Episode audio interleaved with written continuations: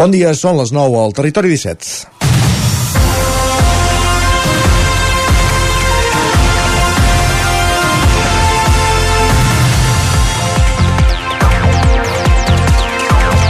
És dimarts 13 de febrer de 2024 i per tant estem d'enhorabona perquè avui és el Dia Mundial de la Ràdio.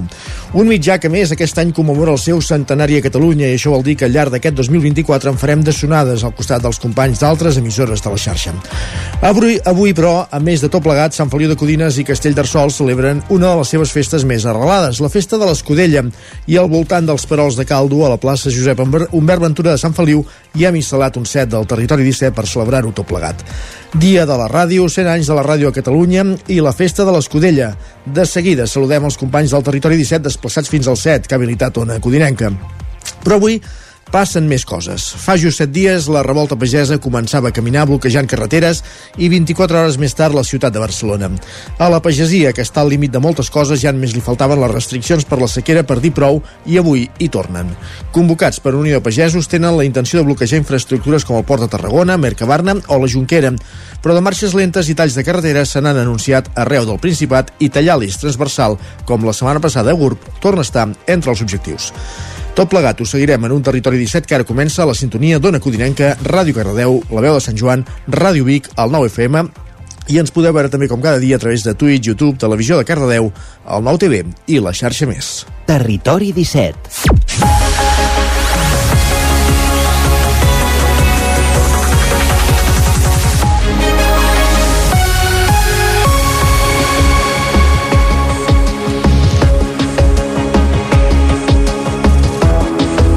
Dos minuts que passen de les 9 del matí, plaça Josep Humbert Ventura de Sant Feliu de Codines, Roger Rams, zona codinenca. Bon dia, qui t'acompanya i què ens oferireu avui des de Sant Feliu? Bon dia a tothom, què tal? Efectivament, Isaac, avui ens trobem aquí a la plaça Josep Humbert Ventura de Sant Feliu de Codines, davant ja de la imponent escudella que s'està cuinant, fent xup-xup ja des de primera hora del matí. I com deies, no estem sols, estem molt ben acompanyats en aquest set d'Ona Codinenca. M'acompanya ja l'Enric Rubio, de Ràdio Televisió Cardedeu. Bon dia, Enric. Bon dia, Déu us guard i molta ràdio i Isaac Muntades, la veu de Sant Joan, bon dia. Bon dia i moltes gràcies per convidar-nos aquí a la plaça Josep Humbert Ventura. A banda també ens acompanya bon equip, dona, bona part de l'equip d'Ona Codinenca, també amb els nostres tècnics, amb en Xavi Carrera, en Robert Garrigós i també la Gemma Permanyer, que la tenim per aquí, eh, fent que tot això doncs, també sigui possible. Un ambient, com dèiem, eh, molt festiu avui aquí a Sant Feliu, molta gent ja que es va aprovant en aquestes olles magnífiques que porten estona fent xup-xup i també l'esmorzar que s'està preparant. Tot plegat eh, doncs ho estarem explicant aquí a l'antena del Territori 17 i, i estarem eh, de ben, de ben a prop. Gràcies, Roger. De seguida tornem a Sant Feliu de Codines, a la plaça Josep Humbert Ventura, des d'on ens oferireu diversos continguts relacionats amb aquesta festa de l'Escudella a partir de dos quarts de del matí. Abans, però, fem un repàs a la resta de sumari d'aquest matí, de la resta del menú d'aquest matí de 13 de febrer de 2024, dimarts, dimarts 13 avui són moltes coses i a més a més també dimarts 13 però això ho deixem a banda. En aquesta primera mitja hora, com cada dia, ens dedicarem a aprofundir en l'actualitat de les nostres comarques, la previsió del temps, i acte seguit també anirem fins al quiosc amb en Sergi Vives per repassar quines són les portades dels diaris del matí. A partir de dos quarts de deu pugem al tren a la Trenc d'Alba amb l'Isaac Montades, com dèiem, com cada matí, també recollint les cròniques dels oferts usuaris de la línia Barcelona-Granollers, Vic, Ripoll, Puigcerdà. I hi ha tot des de Sant Feliu de Codines, on, com ens explicava en Roger Rams, eh, coneixerem al detall aquesta festa de l'Escudella a l'entorn d'aquestes eh, calderes de brou que ja fa estona que van bullint. Notícies a les 10, la previsió del temps, tornarem a Sant Feliu de Codines per acabar el programa com cada dimarts, primer endinsar-nos a Twitter amb en Guillem Sánchez i acabarem amb el podcast, amb el Territori Podcast, amb el racó de pensar i avui la segona edició, la segona part del Poliamor amb la Maria López des de Ràdio Televisió Cardeu. Sense més, per tant, ens posem en dansa amb el territori 17 d'avui eh, amb dues seus des dels estudis centrals del 9FM a Vic però també des de la plaça Josep Humbert Ventura de Sant Feliu de Codines amb motiu d'aquest Dia de la Ràdio. Territori 17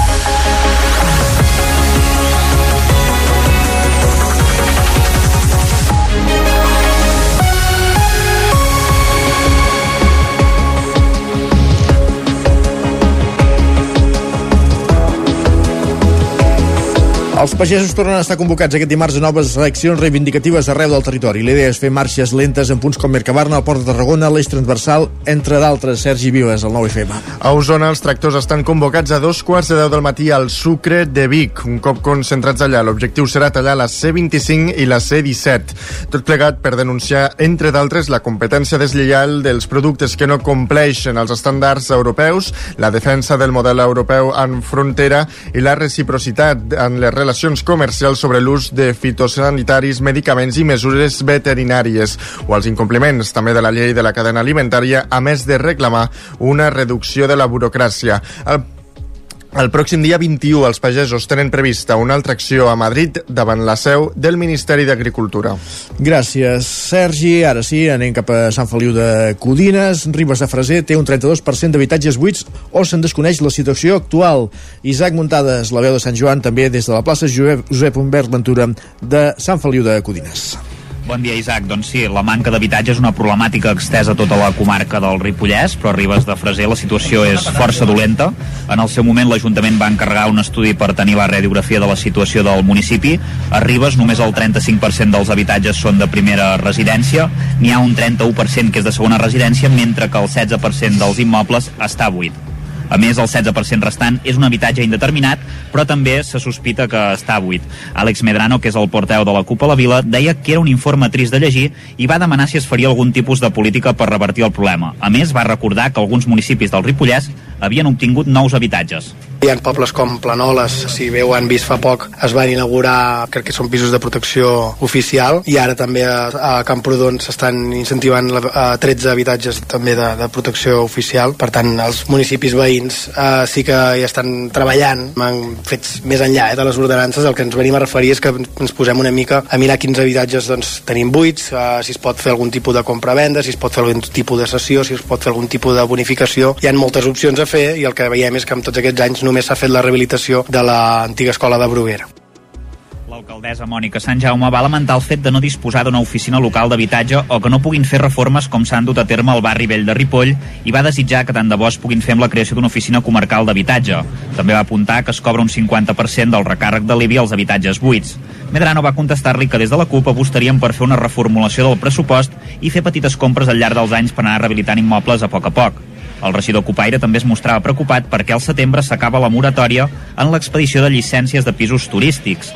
Medrano volia saber quina era la política que s'aplicarà en aquest sentit.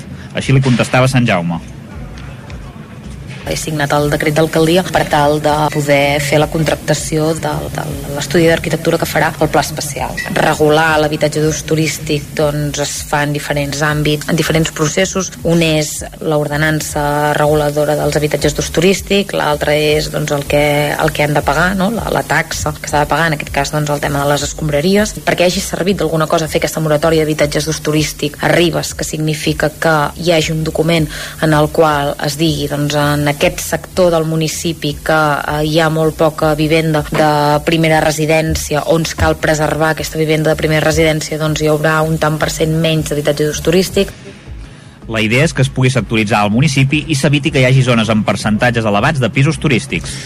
Parlem un dia més dels temes relacionats amb l'aigua a Sant Feliu de Codines i és que s'ha donat el tret de sortir dels treballs de sondeig del nou pou que s'ha projectat a la zona del Flaquer, Roger Ram, zona codinenca. Exacte. Ah, exacte, bon dia. Sí, em sentiu bé? Exacte, bon dia. Aquest punt de captació d'aigua seria el tercer que s'instal·la en aquesta zona i ha de permetre destensionar la situació d'abastament d'aigua degut a les baixes reserves que hi ha als pous actualment. Aquest sondeig és fruit de l'estudi hidrogeològic que el consistori va encarregar juntament amb la Diputació de Barcelona que va apuntar la zona del Flaquer com una de les més favorables de tot el terme municipal on fer-hi nous pous. L'alcalde de Sant Feliu de Codines, Pol Caputí, explica que els treballs han començat abans del previst i que van a bon ritme. A més, apunta que en cas de tirar endavant, aquest seria el pou més profund del municipi. El que es fa primer en un pou d'aquests, que recordem que tenen profunditats elevades fins a 300 metres, és primer fer un sondeig eh, per verificar o, eh, que, que surt d'aigua d'aquest pou abans de fer tota la construcció del, del que seria el pou amb totes les instal·lacions i el bombatge d'això. Llavors això és el que s'ha pogut començar a fer ara. Està pre estaven previstes la disponibilitat del, de la maquinària per fer-ho a finals del mes de febrer, però eh, ho hem pogut avançar per la urgència que hi havia a Sant Feliu. Avui ja m'han dit que estaven a una profunditat de, de 190 metres, a punt d'arribar als 200, i es preveu arribar fins a una profunditat de 350 metres. Serà el pou més, amb, amb més profunditat que, que, hi, que hi haurà a Sant Feliu. Malgrat les perspectives de trobar aigua són favorables, Cabotí explica que es contemplen diversos escenaris. L'objectiu final, però, segons l'alcalde, d'acabar construint aquest nou pou és el de deixar de dependre de l'aportació dels camions cisterna que diàriament arriben al municipi. Recordem que actualment en són una desena. Al final l'objectiu és que, que puguem prescindir dels camions cisterna, que realment eh, amb 10 camions diaris eh, és, és, és una situació insostenible a nivell, a nivell ambiental, per un costat, també a nivell econòmic i a nivell logístic doncs, la impossibilitat doncs, de portar gairebé més camions. Sí, permanentment hi ha un camió gairebé descarregant el, el dipòsit del flaquer. De forma immediata, si aquest pou donés una mica d'aigua o donés com està donant el flaquer o com el bògit, doncs podríem prescindir d'aquests camions cisterna eh, avui el que no sabem és d'aquí un mes què passarà, no? perquè recordem que aquesta dotació de camions cisterna l'hem hagut d'anar ampliant no pas perquè el consum hagi augmentat, sinó perquè la captació, sobretot la del pou fitó, doncs va disminuint la columna d'aigua obres de sondeig s'allargaran unes 3 setmanes i tenen un pressupost de més de 53.000 euros. En cas de tenir un resultat positiu i, per tant, trobar aigua en aquest punt, es tirarà endavant en els propers mesos la construcció del pou que estaria enllestit, això sí, abans de l'estiu. Un pou que, per cert, compta amb la llum verda per part de l'Agència Catalana de l'Aigua i que tindria un cost, segons el pressupost amb el que compta, de més de mig milió d'euros. Gràcies, Roger. Després que el temporal Glòria, d'ara fa 5 anys, malmetés el pont i els vorals de la pista del torrent del Sot de l'Infern, en ple parc natural del Montseny, ara n'han millorat la connectivitat. I Enric Rubio, Ràdio Televisió Cardedeu, també des de la plaça Josep Abertura de Sant Feliu de Codines. Així és, Isaac. Bon dia, primer de tot. Uh, I no està fins ara que se n'ha millorat, com bé deies, la connectivitat. La intervenció ha estat en el punt on el torrent creua la pista que du el mateix nom, construint-hi un pont nou i restaurant-ne el talús. Les obres s'hi han dut a terme durant el novembre i desembre i han tingut un cost total de gairebé 54.000 euros, el qual ha assumit íntegrament el Servei d'Anàlisi i Gestió Territorial, Inversions i Obres. Però anem a veure què és exactament l'obra feta i per què s'han fet aquestes millores concretes. El pont en si, ara de llosa de formigó, ja que l'anterior era de volta de canó, està preparat tant en dimensió com en estructura per poder suportar una capacitat d'aigua amb un període de 500 500 anys de retorn. Com a punt us direm que la capacitat de retorn de l'anterior era de només un segle. El nou té una amplada de 2 metres i una altura que és variable passant del metre 80 als 2,30. Tot i que el pont ha significat una gran millora, on s'hi han esmerat més esforços i més innovadors, és en el marge continu, ja que s'hi han aplicat tècniques de bioenginyeria, eh, per així poder formar bé els forts pendents, de més de 60 graus d'inclinació. Han utilitzat un contrafort de troncs de castanyer de grans dimensions a moda de barrera i, com, i amb grosses estaques per fixar els altres. I s'ha recobert amb una malla natural de coco, aconseguint així evitar l'erosió i facilitar la restauració del bosc de ribera que es trobaria en aquest indret, tot plantant i plançons autòctons arreu dels 150 metres quadrats de talús recuperat. Aquesta obra respon al manteniment dels punts més calents del parc pel que fa a afluència de gent, i és que es troba en la pista asfaltada que va de Font Martina a Santa Fe del Montseny, la qual és la porta d'entrada al Turó de l'Home, i que ha estat en obres durant el final del 2023, precisament per aquesta nova infraestructura. Gràcies, Enric. De seguida tornem cap a la plaça Josep Albert Ventura de Sant Feliu de Codines, on avui s'hi celebra la festa de l'Escudella, avui dia de la ràdio, al territori 17 del carrer, que hem de repassar altres notícies que ens arriben des de la comarca d'Osona, perquè fa set anys que dues agents del TEDx, la unitat especialitzada en desafectació d'explosius d'artefactes dels Mossos d'Esquadra, van retirar l'arsenal trobat al convent de clausura de Santa Teresa, a Vic. Ara hem reconstruït els fets amb elles. Sergi. Així és, s'hi van trobar 30 quilos de dinamita, 26 granades de mà i dos fusells. També detonadors, pólvora, cartutxos de fusell i metxa lenta. Qui va avisar a la policia va ser una de les monges del convent. Per fer-ho, va haver de trencar el vot de silenci i, a més, va demanar si era possible que fossin dones, mosses, les encarregades de fer el servei. Susana Folgueiras, una de les agents de l'àrea TEDx, diu que aquesta va ser una de les experiències més curioses de la seva carrera professional. Va ser curiós perquè mm, només vam tenir contacte amb una de les monges del convent que ens va venir a rebre a la porta i ens va anar a acompanyar per tot el, tot el recorregut que havíem de fer fins a trobar aquesta habitació i era curiós el silenci, era curiós que no veiem absolutament a ningú. Cada vegada que havíem de girar un passadís, tocava una campaneta, clinc, clinc, clinc, i se sentien tot de portes, tac, tac, tac, tac, tac, tac, tac. I llavors podíem passar nosaltres per, doncs, perquè evitaven que nosaltres veiéssim a, a ningú de les persones que viuen a dintre. L'arsenal era en un fals sostre trobat arran d'unes obres de reforma a les golfes del convent. Van accedir-hi amb una escala de fusta. Arribar fins al botí no va ser fàcil, segons explica l'altre agent, Júlia Bandanya. Home, van patir bastant, sobretot pel lloc on estava situat, perquè la forma d'accedir no era habitual, eh, els sostres podien enfonsar i era un problema, no només per la seguretat de lo que són els artefactes, sinó per la seguretat del lloc on estàvem treballant, però els artefactes en si, pel temps que portaven allà, estaven molt ben conservats, estaven ben emmagatzemats, i el que més ens preocupava era la dinamita però la resta en si estava, estava en condicions de ser movible. El mateix dia que van retirar l'Arsenal, el van anar a detonar en una pedrera de ceba, una operació que va comptar amb una dotzena de persones. El poc contacte entre les dues caporales i la monja, que les va atendre aquell dia, no els va permetre revelar dues dades que fan encara més curiosa l'experiència. Que Mandanya havia tingut una tieta àvia en aquest convent bigatà i que Folgueiras, de Sant Joan de les Abadeses, va ser la primera gent dona de la unitat TEDx de Catalunya i també de l'estat espanyol. I ara faré la batalleta de torn, perquè sí que és veritat que van acabar detonant tot aquest arsenal a Ceba, però van, van, abans van voltar mitja comarca, perquè primer, el primer punt on van intentar anar a detonar eh, aquests explosius va ser a Codo, la roda de, de Ter, o els Masies de Roda, quan van veure que no era el lloc adient, van fer, van girar cua i van travessar tota la comarca per anar a buscar una pedrera ceba per detonar tot aquest arsenal. Més qüestions. Eh, la Guàrdia Urbana arresta a Vic un jove per agressió amb arma blanca, Sergi. Així és, la Guàrdia Urbana de Vic va detenir diumenge un jove de 22 anys per haver agredit amb una arma blanca una altra persona a la plaça del Carbó en una baralla. I dissabte també es va arrestar un, arrestar un jove de 23 anys eh, per presumptament robar un mòbil amb violència i portar un patinet robat, a més està en cerca judicial. Més qüestions. Diversos alcaldes d'Osona i el Lluçanès assisteixen a la presentació que la vicepresidenta de la Generalitat, Laura Vilagram, fa de l'avantprojecte de llei de l'Estatut dels Municipis Rurals a la Catalunya Central.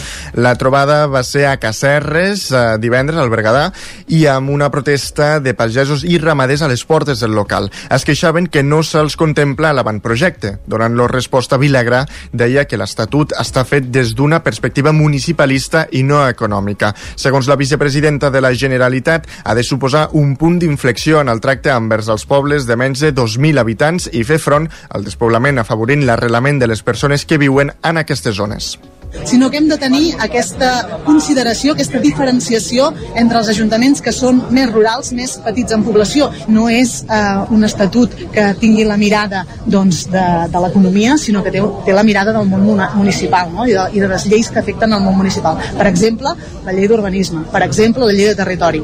Què fa aquest estatut? És un punt d'inflexió que a partir d'aquí hi haurà d'haver més modificacions legislatives. Per tant, no es tanca res, és un estatut base Després d'un període d'exposició, es preveu que durant la segona quinzena de març el govern doni el vistiplau al document i l'enviï al Parlament per la seva aprovació final.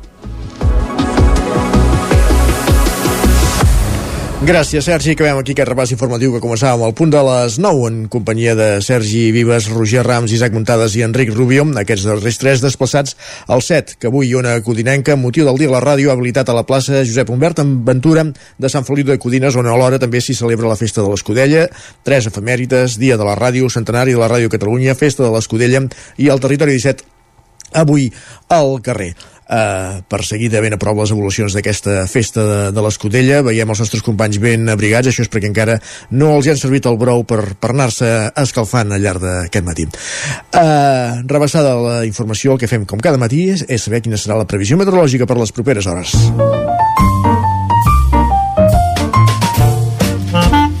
Casa Terradellos us ofereix el temps. I aquesta feina és cosa d'un altre Sant Feliuenc, de en Pep Acosta, que com cada matí ens acompanya amb la previsió del temps. Pep, benvingut, bon dia. Hola, molt bon dia a tothom.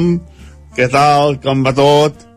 Espero que molt bé i que hagi començat molt bé aquest programa especial. Perfectíssimament. Des Sant Feliu, des del meu poble, des de la plaça i que tingueu tots un molt bon dia de, de la ràdio, un dia especial, que tingueu molt bon programa i, com deia, moltes, moltes uh, felicitats. Uh, M'agradaria molt estar aquí present, però per, uh, per qüestions uh, laborals, professionals, no, no hi puc estar, però bueno, uh, sempre ho escoltar i una mica present ja, ja hi soc. Anem per l'espai del temps, que és el que em toca fer, i uh, és que ja no sé gairebé ni, ni, ni què dir. Uh, tornem a l'escenari uh, que ha dominat gairebé tot aquest 2024 des que ha començat un potentíssim anticicló sobre la península ibèrica i a més un anticicló càlid que ens envia aire càlids procedent del nord d'Àfrica i que fa que el temps sigui així. Això, eh, molt tranquil i calorós, calorós per l'època de l'any. És que no, no hi ha... És que no hi ha res més a dir, és que és, que és una, una anomalia constant, una anomalia eh, que fa molt temps que dura i no es veu al final eh, per enlloc. Mm, és que no sé, ja no sé on arribarem, però és que és, és la veritat. No, no hi ha cap canvi ni a curt ni a mig termini que, que, que pugui eh, que pugui fer preveure un canvi de temps important eh, molta menys sequera. No, no, no, no es veu per enlloc. No hi ha manera de que, de que les coses puguin canviar. Eh, les temperatures mínimes avui altíssimes per l'època de l'any, cap glaçada a les nostres comarques, cap glaçada, eh? A llocs tan fets com, com el Moianès, com el Ripollès, Osona, no hi ha glaçades al mes de febrer una cosa molt inusual. I al migdia eh, ahir es van disparar les temperatures perquè va bufar vent va bufar un vent més, més fort del que em pensava i aquest vent va fer pujar els termòmetres de manera molt moderada. Avui aquest vent està molt més encalmat i no pujaran per tant les temperatures. Uh, moltes màximes quedaran entre els 15 i els 17 graus, que, que ja són altes, però no s'hi esperaran tant uh, com ahir. I pel que fa a del cel, algun núvol, però bueno, molt poca cosa, uh, cap, cap probabilitat de pluja, ni una. I no només avui, sinó que tota la setmana no hi ha cap probabilitat de, de puja, eh? per tant estem estem fatal, estem fatal d'elements meteorològics, només anticicló, només eh, tranquil·litat i només temperatures molt més altes del normal. Moltíssimes gràcies, eh, que disfruteu d'aquest eh, dia, d'aquest programa especial i una salutació molt cordial i molt gran a tota la gent que, que ens està escoltant i a tota la gent que està en directe a la plaça de Sant Feliu Codines, que, que és el meu poble. Adeu! Gràcies, Pep, gràcies a tu també. Uh, avancem, tot i aquesta situació nòmula meteorològicament parlant, un nou anticicló, no hi ha glaçades al mes de febrer. Com hem dit ja altres dies, realment un veritable drama. Casa Tarradellas us ha ofert aquest espai. 7 minuts perquè siguin dos quarts de 10 del matí, anem cap al quiosc.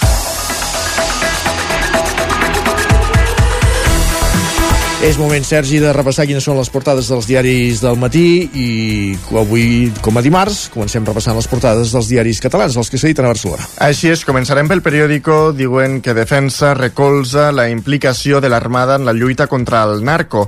Expliquen que comandaments polítics i militars advoquen per desplegar unitats navals per combatre les màfies. Diuen que la Fiscalia acusa de dos intents d'assassinat un traficant que va a, un traficant que va envestir un cotxe de policia. Per altra banda, diuen que el camp aviva la pressió expliquen eh, doncs, que les mobilitzacions agràries pretenen bloquejar avui el mercat central de Mercabarna i el port de Tarragona. La Vanguardia diu que Catalunya ha passat en 40 anys del 2% al 21% de població estrangera. Expliquen que l'arribada d'immigrants compensa la baixa natalitat i explica que s'hagi arribat als 8 milions d'habitants. Diuen que 3 de cada 4 catalans tenen origen directe o indirecte en la immigració del segle XX i XXI. També diuen que els rescatats eh, destaquen eh, que, res, que han quedat rescatats dos hostatges israelians en una operació que causa desenes de morts. Eh, diuen que Netanyahu exhibeix el seu primer èxit militar davant la societat israeliana quatre mesos després de començar la guerra. Lara diu que Feijó no aguanta la pressió i rectifica sobre els indults. Diuen que el líder del PP descarta ara la mesura de gràcia per frenar el malestar creixent del partit en contra seva. Diuen que la puixança del BNG fa perillar al govern popular de la Junta, segons l'última enquesta del CIS. I anem a repassar a portades espanyoles al país diu que Israel causa una matança a Rafah i rescata a dos hostatges. Expliquen que l'operació a la ciutat gazatí plena de refugiats provoca almenys 67 morts i Borrell planteja un embargament d'armes. Per altra banda, diuen que el Consell de Ministres nombrarà avui a Carmen Calvo, expresidenta del govern, nova presidenta del Consell d'Estat. Expliquen que substituirà Magdalena Valerio, que la seva designació va ser anul·lada pel Tribunal Suprem. La BC diu que Marlaska va desmantellar la unitat antinarco pels seus costos. Expliquen que la majoria dels 150 agents estaven en comissió de serveis pel que altres unitats van quedar molt minvades. El Mundo diu que l'acció antinarco es va enfonsar al tancar Marlaska al grup d'èlit. Eh, expliquen que la Fiscalia va alertar del descens de causes de droga i va assenyalar la dissolució de la unitat Ocon ordenada pel ministre. Diuen que els agents denuncien que no tenien material adequat. Expliquen que el jutge envia a presó a sis tripulants de la llanxa que va atropellar els guàrdies civils i deixa en llibertat a dos col·laboradors.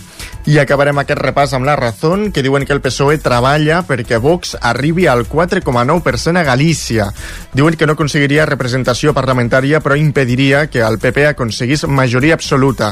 També diuen que Junts entra en campanya per afavorir el BNG i es declara en mans lliures per pactar a dreta i a esquerra. Doncs repassats els diaris de paper, tant els que s'editen a Barcelona com a Madrid, acabem aquest quiosc fent un repàs, un cop d'ull també a les dues edicions digitals del 99.cat, la d'Osona, el Ripollès, el Lluçanès i el Moianès. Doncs ens trobem tota la informació sobre aquestes noves concentracions de pagesos que hi han convocades al llarg del dia d'avui. A dos quarts de deu, Unió de Pagesos ha convocat els pagesos, valgui la redundància davant els serveis territorials, el sucre, i a partir d'aquí veurem eh, com evoluciona la jornada. Hi ha previstos talls de carreteres a l'eix transversal a la comarca d'Osona. I el Vallès Oriental i el Moianès? Doncs diuen que l'Estat encarrega l'estudi per connectar Granollers i Mollet amb Sabadell i Terrassa de forma directa amb tren. Doncs ho anirem seguint. Moltíssimes gràcies, Sergi. No marxis gaire lluny, tornem tot seguit. Ara fem una petita pausa i de seguida reprem el territori 17 des de Sant Feliu de Codines. El nou FM, la ràdio de casa, al 92.8. El nou FM, la ràdio de casa, al 92.8. La qualitat de les teves impressions és important per tu? Estàs cansat que els colors i les imatges no surtin com t'esperes? A Impremta Mater disposem de la tecnologia més avançada i els millors professionals per aconseguir impressions d'alta qualitat. Fem tota classe d'impresos amb acabats professionals. Llibres, catàlegs, revistes, tesis, calendaris, enquadernacions... I, a més, disposem del servei d'impressió digital en gran format. Roll-ups, lones, pòsters i molt més. Impremta Mater. Ens trobaràs a la carretera de Sant Hipòlit 23 de Vic o impremtamater.com. Cobertes serveis funeraris. Els nostres tanatoris estan ubicats en els nuclis urbans més poblats de la comarca d'Osona per oferir un millor servei. Tanatori de Vic, Tanatori de Manlleu, Tanatori de Centelles i Tanatori de Roda de Ter. Sabem que són moments difícils i per això el nostre compromís és atendre-us en tot moment amb un tracte humà, sensible i respectuós. Cobertes serveis funeraris. Telèfon 24 hores 93 883 23 46. El nou FM, la ràdio de casa, al 92.8. Dia de la ràdio avui, 13 de febrer de 2024, però no hem d'oblidar que Catalunya està en emergència per sequera. Després de 3 anys sense pluges, les reserves dels embassaments i aquífers han anat baixant progressivament, passant del 80% fins al 16% actual. Pots consultar les restriccions del teu municipi al visor de la sequera entrant a sequera.gencat.cat. A més, recorda que pots contribuir a l'estalvi d'aigua amb molts petits gestos. Tancar l'aixeta mentre rentes les dents, prioritzar la dutxa en comptes de la banyera, no fer servir el vàter com si fos una paperera o posar la rentadora només quan és plena. Estalviar aigua és urgent. És un missatge de la Generalitat de Catalunya. El nou FM. El nou FM. Cada dimarts a les 11 de la nit, el 9 FM, repàs de l'actualitat esportiva a la banqueta. T'imagines un programa de política, d'economia, feina... Doncs ja te'n pots oblidar. Quin tinglado! Un programa d'entreteniment, actualitat, cultura i molt rigorós. Amb Bada Serrat, Miquel Giol i Eudal Puig. Un programa que no passarà a la història i que tampoc guanyarà cap ondes. No ens flipem. Escolta'l cada dijous en directe de 8 a 9 del vespre al 9 FM. Ai, ai, ai, quin tinglado! Anuncia't al 9FM. La màquina de casa. 9 3 8 8 9 4 9 4 9. Publicitat arroba al 9FM.cat. Anuncia't al 9FM. La publicitat més eficaç. El 9FM, el 9FM, el 9FM, el 9FM, el 9FM. Territori 17.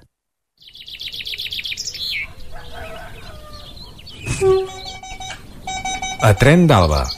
Cada dia els usuaris i usuàries de la línia R3 de Rodalies que veuen sortir el sol des d'un vagó ens expliquen les gràcies i les penes del primer comboi que uneix Ripoll i Barcelona o les feixugues jornades amb el tren després de treballar. Benvinguts a Tren d'Alba. Avui us donarem una bona notícia i és que el Ministeri de Transports ha adjudicat per 744.000 euros l'estudi informatiu per la nova connexió ferroviària entre el Vallès Occidental i el Vallès Oriental. Aquest estudi consisteix en la definició i anàlisi de les alternatives tècniques que poden plantejar-se per l'establiment d'una nova connexió de rodalies entre les línies de Barcelona-Sabadell, Terrassa i la línia Papiol-Mollet. El contracte també inclou la realització d'un estudi de viabilitat d'una nova estació entre la línia R8 de Rodalies a Ripollet. L'actuació respon als objectius de l'estratègia de mobilitat sostenible segura i connectada del 2030. A veure si continuem millorant, doncs, que fins que no ho veiem no ens ho creurem. Ens retrobem demà amb més històries del tren i de l'R3. Territori 17. I ara sí, un minut que passa de dos quarts del matí, plaça Josep Humbert Ventura de Sant Feliu de Codines, Roger Rams, zona codinenca. Què tal? Doncs uh, sí, eh? seguim en aquest matí de ràdio, seguim, seguim en aquest matí d'Escudella aquí a Sant Feliu de Codines i en la propera mitja hora que farem és parlar amb alguns dels protagonistes. Parlarem amb en Jordi Hernández, el president del grup dels Amics de l'Escudella, que estan eh, darrere dels fogons i que en aquests moments, per cert, hem de dir que estan esmorzant, ben merescut, perquè ja fa estona que, que treballen i que en fi, que, que traginen amunt i avall per aquí per la plaça i per les Rodalies i eh, doncs això, farem aquesta conversa amb en Jordi Hernández abans però tenim a l'Enric Rubio eh, amb el mode foraster, diguéssim amb el micròfon eh, inalàmbric eh, rondant per la plaça Josep Humbert Ventura i eh, el que farà és anar conversant amb diverses persones que es vagi eh, trobant per aquí per anar copsant aquest ambient abans de l'entrevista. Enric, bon dia. Bon dia, què tal, com estem? A, et sentim? M'escolteu bé? Sentim a l'Enric? Momentet. Aviam. Eh, ja ho tindrem aquí. Ara sí, eh? Crec que sí, crec que sí. Sí? Ara em sí. rebeu bé? Sí. Sí, perfecte. Perfecte, Enric. Doncs Molt bé. mira, anirem per aquí. Uh, jo no us rebo molt bé, però bé, lo important és que ens rebeu a mi. Estem veient una miqueta l'ambient aquí a la plaça. Encara falta que arribi la gentada, però tenim aquí cuineres i cuiners preparant el que serà uh, no només l'escudella, sinó també l'esmorzar de les escoles que més tard entrevistarem. Hola, molt bon dia. Com es diu vostè? Conxita. Conxita, tenim aquí la Conxita feinada des de primera hora del matí, des de que hem arribat, que no havia pràcticament ni sortit el sol. Què estem preparant aquí? Perquè no és només escudella avui, no? No, és a l'esmorzar per la canalla de les escoles. Ah, exacte, d'aquí una estona, com dèiem, els entrevistarem a les escoles i ara estan preparant aquí doncs, eh, una miqueta de botifarra, pa... Quantes persones, quanta canalla esperen aproximadament? No ho sé jo, però molt. De, de les monges i dels nacionals, molt. O sigui... Tu, tot, ja veuràs, ja. O sigui, tenim... Ens esperen aquí una gentada d'escoles i pel que sembla vindran totes o la gran majoria de- d'escoles de, d'aquí de, doncs de Sant Feliu. Anem cap a l'altre estant, també. Hola, molt bon dia. Com es diu vostè? Bon dia. Com es diu vostè? Jo, Joan Vilanova. Joan Vilanova, tenim per aquí, està preparant... Què està preparant en aquesta cassola? Fa bona pinta. Això és l'esmorzar dels treballadors. L'esmorzar dels treballadors. Ja m'agradaria ser treballador del seu ram, eh, avui? És estil solar del sot i callos. Quina, quina pintassa, són molts aquí. Quants estan treballant ara mateix aquí? Que aquesta taula llarga de botifarra veiem que és generosa. Tota aquesta gent, potser 25 o 30. Un, una, una trentena de persones, eh, de persones ben bé, eh, i estem veient aquí com, com han preparat aquestes patates que té. Què, què és això? Patates són patates bullides, xafades amb la, amb la llosa i després tanta patata com oli oli, perquè això treu fred. Déu-n'hi-do, fa molt bona pinta. Bueno, bon profit a tots, a veure...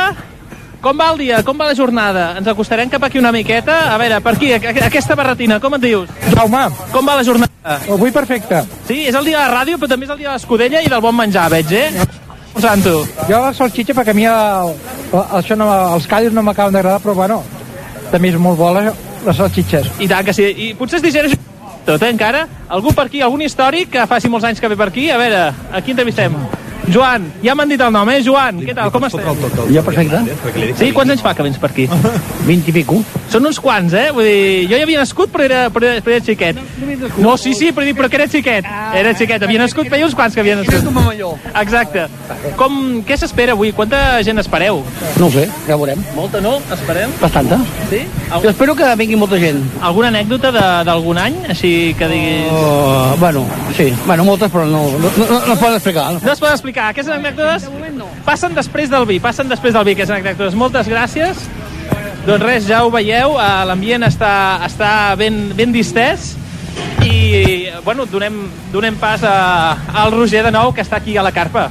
Doncs eh, perfecte, Enric, hem vist, eh, hem pogut copsar ja aquest ambient, aquest esmorzar que estan fent els cuiners i cuineres de tot aquest tinglado, també eh, l'avituallament de les escoles que està ja enllestit, amb tot tipus de, de menjar per les diferents escoles que, com hem sentit, doncs, transitaran al llarg del matí per aquesta plaça Josep Humbert Ventura de Sant Feliu de Codines. Ara, però, fem una petita entrevista, com no podia ser d'altra manera, relacionada amb l'Escudella, de la festa de l'Escudella de Carnaval d'aquí de Sant Feliu de Codines, una celebració que, atenció, eh, té el seu origen al segle XVII i que després de nombroses interrupcions al llarg de la història es va recuperar de manera definitiva l'any 1979, eh? o sigui, ha, ha plogut.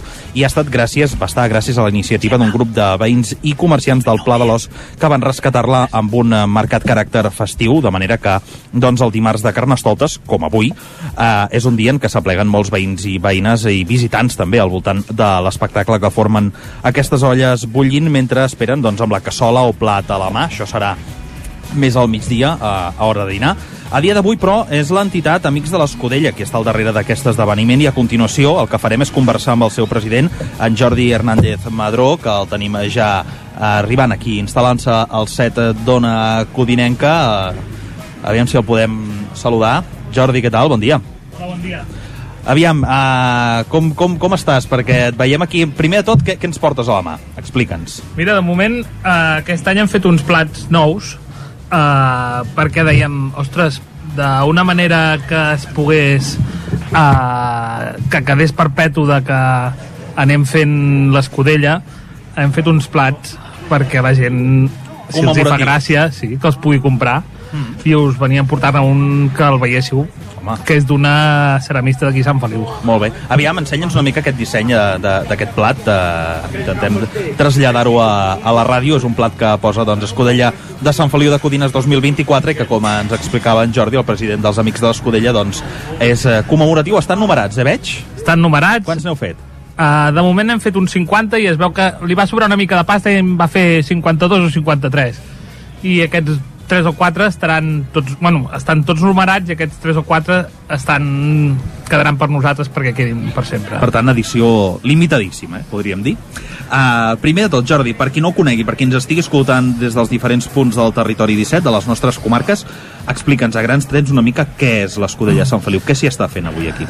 Mira, uh, aquesta escudella l'hem començat avui a les 6 del matí que aquestes olles són de antigues, ma- bueno, antigues no, encara hi són aquestes masies d'aquí al poble que ens les deixen, ens les cedeixen pel dia les fem servir per, per l'escudella del poble que seran unes 6.000 racions i es serveix a la una, una i poc si tot va bé.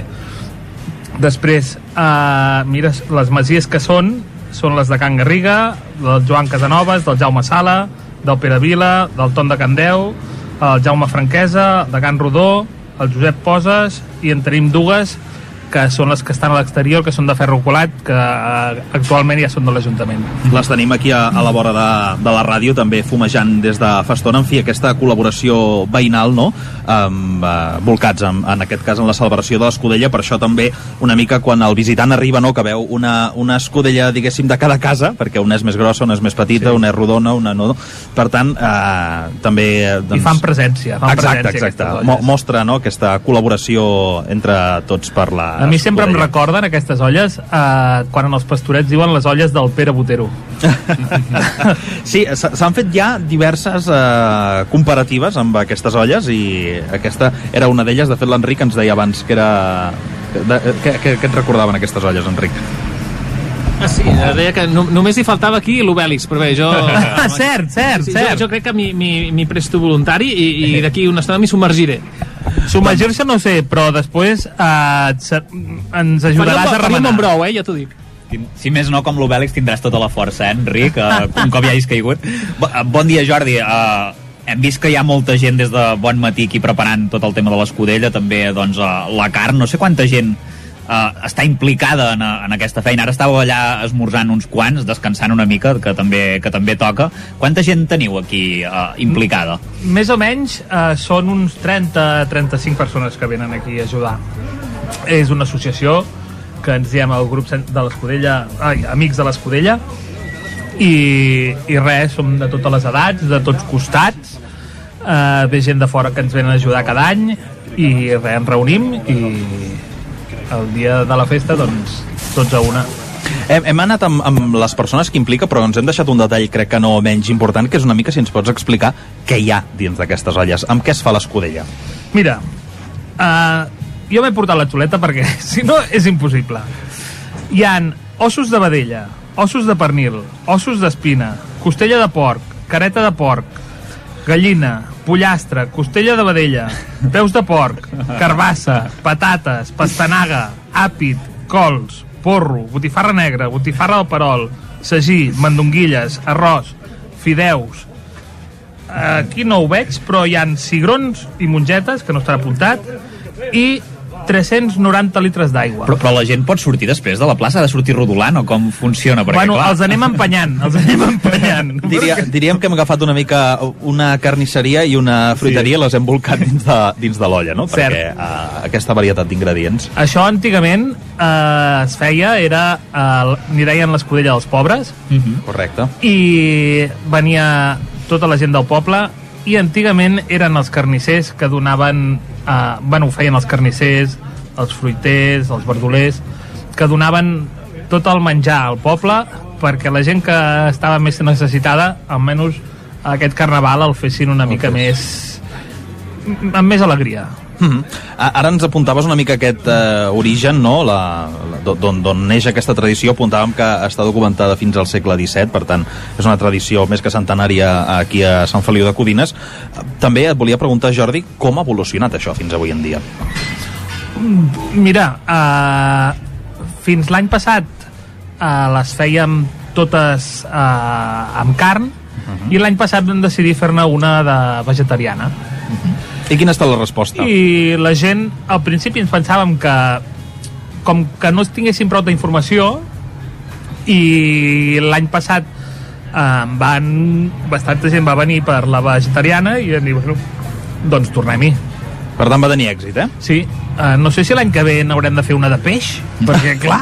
Això no s'ha fet mai, eh? No s'ha fet mai, Però però... què, què porta exactament la vegetariana? O la verdura. La verdura i prou, no? La És verdura, només, o- després porta més, més verdura, diguéssim, la complementem una mica més que les altres que van en carn, doncs posem més verdura. Uh, jo et volia preguntar, Jordi, també, perquè els amics de l'Escudella, bueno, ja m'has comentat que sou entre 30 i 35 que esteu uh, aquí, no sé um, quina feina heu fet aquests anys per recuperar la tradició, perquè això des de quan es fa, i sobretot pensant en el futur, veiem que hi ha molta gent, també si veu a- a algú que és més uh, jove, hi ha relleu d'això? Entenc que sí, no?, que la, la festa té molt bona salut. Bueno, uh, mira, n'hi ha uns quants que continuem de l'antiga colla que eren uh, els Sense Estovalles, la colla dels Sense Estovalles, i després, uh, com que ens vam començar a agafar uns quants de l'antiga i vam anar engrescant a diferent gent vam dir, bueno, mm, haurem de canviar el nom perquè ja a l'agrupació sense, sense estovalles ja va dir nosaltres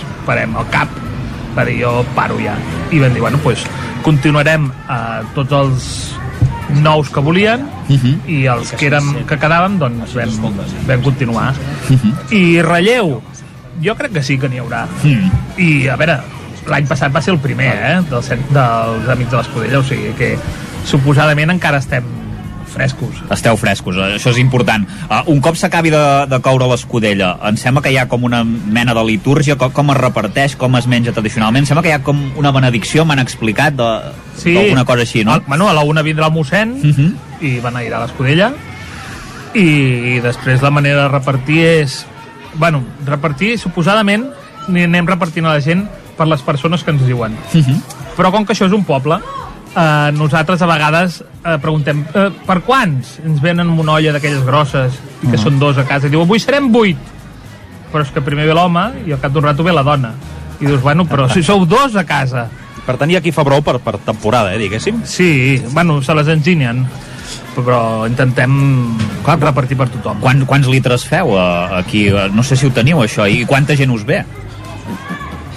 Uh, litres són 2.294 litres d'aigua. Home, Déu-n'hi-do. déu nhi Això ah. es fa tota, totes les proporcions, que jo aquí estic veient molts números, i al final de tot, aquí veig 7.400 quilos de fideus, per exemple. Per exemple. A, a, amb, amb, amb tot això, Jordi, jo volia preguntar, perquè clar, estem parlant de, de números mm, grandiosos, Sí. moltes racions, molts quilos, molts litres, però què, què costa tot això, no? Perquè imagino que, que clar, no, no és barat i, i en els darrers temps menys. Mira, eh, jo no et parlaré de cèntims perquè no sé el cabal, eh, perquè jo no ho porto això. Però jo diria que està sobre uns 4.500 o 5.000 euros, Uh -huh.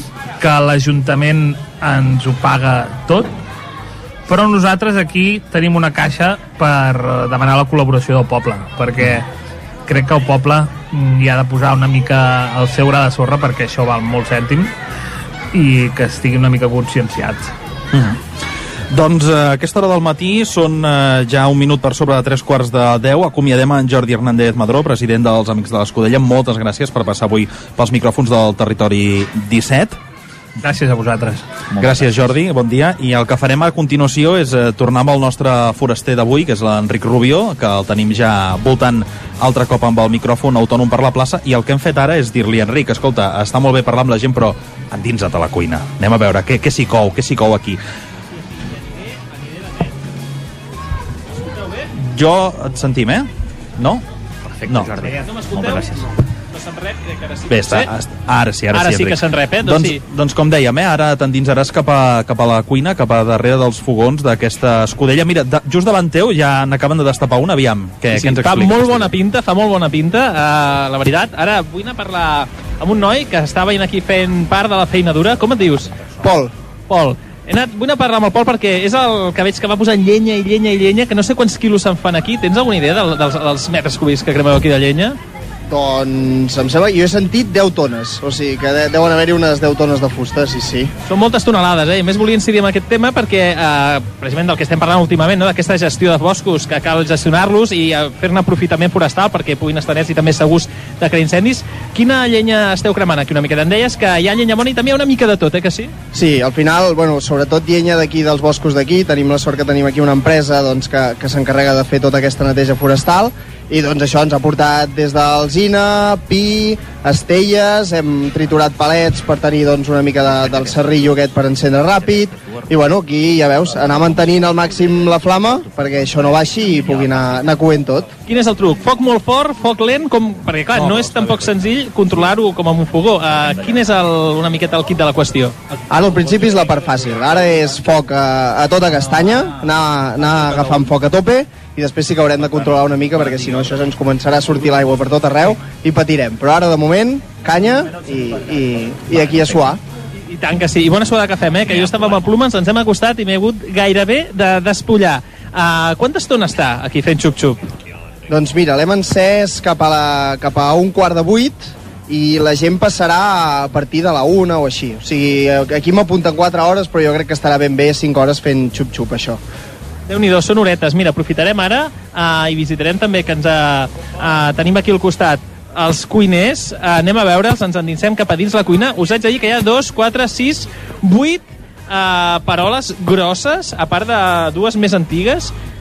Joan, eh, que sí ens has dit abans o m'equivoco del nom? Joan, si en diuen que, que, que parli amb ell, que parli amb ell. Escolta, digue'ns algun, algun truc, alguna cosa d'aquestes que dius que si feu això us quedarà bé l'escudella a casa. Què diries tu que és imprescindible? Uh, bon, bon, bon material. Bon material, sempre. Ja, ja pogués ser a proximitat del poble, no? Dels productors que puguin estar per aquí, de gent que també... Carnisseria del poble, no? A veure, jo tota la carn ho compro a la carnisseria. Dic caríssim. I la verdura aquí. Sí, això és caríssim. A més, aquí, a part de fer-ho millor, també donem vida i, i, i a, a tota la gent del voltant. I paciència. Això són, són hores, no es pot fer en un moment, és paciència. Paciència i anar-ho fent. I una miqueta d'amor, eh? Que veig que ho esteu mimant molt clar. Ens comandant 4 hores. I molt amor cuinant. Si no tens amor, no, això no, no va. La cuina sense amor no funciona, eh? Crec que això ho tenim a tots els que ens agrada menjar i cuinar. Amor i estona, i hores, i hores. I si no, no, no funciona. És molt diferent de fer-la a casa. Ja no dic amb una olla a pressió que hi ha gent que la fa, sinó amb, amb, amb una olla grossa a casa. És més estona, menys estona, o seria similar relativament? A veure, jo quan em faig a casa, em faig dos o tres cops a l'any, però faig, faig olles grosses, és el mateix, 3-4 hores. 3-4 hores serien olles que d'aquests 8 litres... De, de, de 50 litres. De 50 litros. Són litros, eh? Diu que ho fa a casa, olles de 50... 50, però jo fa cap allò, no ho faig per un dia. Jo ho faig, faig, faig tot, congelo i, i jo agafo i congelo, congelo, quan faig el caldo, congelo i el tinc per dies. Doncs, doncs ja veieu, aquests trucs que, sens falta, durem a, durem a terme per tenir una bona, una, una bona escudella. Uh, tornem a passar amb en Roger? Uh, sí, Enric, perquè a aquesta hora del matí el que farem és anar cap a un dels altres punts del territori 17, cap a Castellterçol, cap al Moianès, perquè allà, ho apuntàvem al principi, també uh, se celebra avui aquesta festa de l'Escudella, allà també tenen tradició escudellaire i crec que a aquesta hora del matí doncs podem saludar Miquel Catot, president dels escudellers de Castellterçol des de la plaça Prat de la Riba d'aquest poble del Moianès. Uh, senyor Catot, bon dia. Bon dia. Moltes gràcies per atendre'ns avui aquí a l'antena del Territori 17. Primer de tot, quin ambient hi ha a aquesta hora a la plaça Prat de la Riba de Castellterçol? Home, ja, ja, ja tenim gent, penso que també fem un esmorzar popular, hi ha parades, hi ha fira, i no, no, ja comencem a tindre ambient aquí. Bon dia, Miquel. Uh, jo et volia Bon preguntar com es fa l'escudella de Castellterçol. No sé si hi ha molta diferència amb la que estem veient aquí a Sant Feliu de, de Codines. Hi ha diferència? No, no sé quants... Uh, quins parlaven de més de 2.200 uh, litres, no sé quant en feu aquí. Com, quines diferències podríem, podríem te, uh, tenir? Tot, totes les escudelles que es fan, totes són diferents, eh? No n'hi ha cap d'igual, eh? Nosaltres fem 2.000, 2.100, una cosa així, de litros. Les fem amb 28 calderes, que aquí a Sant Feliu en tenen menys, perquè nosaltres tenim calderes de 70 litros. I potser la cosa que ens diferencia més és que nosaltres no hi tirem res de verdura. Només hi tirem carn, arròs i fideus. I llar i oli. Uh, no sé quantes uh, racions arribeu a servir uh, al llarg del dia. Entenc que moltes, no? Perquè sí, déu, déu nhi les calderes que teniu, eh? Ara em comentaves això. Aviam, si, si, si servissin plats eh, complerts serien cap a uns 6.000. El que passa que la gent ve com sempre, ve molles i, bueno, els cotxerons que tenen de servir són cotxerons d'un litro, eh? No són eh, collons normals, no, eh? I per això... Miquel, jo també et volia preguntar, uh, enguany eh, fa 40 anys que ets darrere dels fogons, per tant ja ets tot un veterà. No sé si ha evolucionat molt en, en les darreres dècades o pràcticament es manté igual aquesta tradició. Eh, la tradició és la mateixa, eh? Fem escudella sol, però el que passa que ha evolucionat amb tot, eh? I jo, l'evolució que he viscut, de vegades explico a la gent d'aquí, no s'ho creuen, però ha sigut, eh, doncs, brutal. Jo sempre penso que abans, quan jo vaig entrar, les coses es tiraven a la caldera per fer un simil i ara es cuinen. I es cuinen, abans no venia pas res d'un litre, d'un quilo i d'una hora. I ara tot està calculat, mesurat, i la recepta l'hem variat una mica, l'hem baixat molt en greixos. Pensa que abans es tiraven eh, per la mateixa quantitat uns 70 quilos de llar, ara només en tirem 20, i bueno, l'hem graduat una mica, i no, ara fem una cosa molt regulada, que abans tot anava una mica així, es va patim patam i, i anar fent. Això com això, en quant a organització, molt, perquè ara tots tothom va amb davantal, gorro, uniformats, abans tothom anava com volia, es podia fumar, evidentment és impossible, vull dir, és tota una evolució que ha anat per molt millor. Per tant, eh, podríem dir que en, en aquest cas l'Escudella de Castellterçol també s'ha actualitzat i s'ha posat a, a dia. Uh, Miquel, avui, uh, ja per acabar, també és el Dia Mundial de la Ràdio. De fet, uh, nosaltres estem fent ràdio en directe des d'aquí, des de la plaça, en, uh, en conseqüència d'aquest dia. Avui, deixa'm preguntar-te, perquè aquí a Castellterçol, si no vaig mal entès, tindreu una convidada molt radiofònica, que és la Isabel Castro Buixeda, coneguda com la Isabel de Sant Cugat, de la nit dels ignorants de Catalunya Ràdio. Saps uh, dir-nos una mica què és el que hi farà? Ara m'has agafat amb, amb stand-by. Amb el peu canviat, eh? Amb el peu canviat. Cap problema, cap problema. Ho, ho no, seguirem. saps què passa? De- Deu ser l'animadora que ve aquí. Que Correcte, correcte, sí, sí, speaker, Eh, animarà una mica el cotarro i farà una mica de speaker. Que això sempre mirem de tindre un, perquè tenim tallers, a part de les parades normals que hi ha, hi ha una parada que és dels escudellers, que venem uns plats de cada any, després també hi ha un taller d'escudelles, de, de, i encara hi ha una, els speakers que que aquest any, que es farà d'animadora i presentadora, i una mica així doncs, per, per animar el, el, el tros. Doncs eh, Miquel Catot, president del grup dels escudellers de Castellterçol, gràcies per passar avui pels micròfons d'Ona Codinenca del Territori 17 i per eh, apropar-nos a aquesta celebració que s'està fent en aquest punt del Moianès a aquesta hora del matí. Gràcies, Miquel, i que tingueu una bona jornada d'escudella. Molt bé, merci a vosaltres. I de Castellterçol, el que fem a aquesta hora del matí, falten 5 minuts per clavar a les 10, és tornar cap aquí, cap al set d'Ona Codinenca, a la plaça Josep Humbert Ventura, perquè segueixen arribant escoles en aquest punt de, de Sant Feliu de Codines. De fet, just davant de, de l'estant tenim ara molta canalla i també tenim doncs, l'Enric Rubio entre aquesta gent, eh, doncs, conversant amb ells. Enric, eh, una mica eh, veiem que segueix arribant canalla per l'esmorzar, eh? No sé si els hi pots preguntar si tenen gana, no tenen gana... Veient l'esvalutamenta estic convençut que gana n'hi ha i molta, eh? Anem a veure, primer anem a buscar alguna professora... Hola, bones! Un moment per aquí. Que ets professor? No? Alguna professora per aquí? Tenim alguna professora? Cap aquí? Què tal?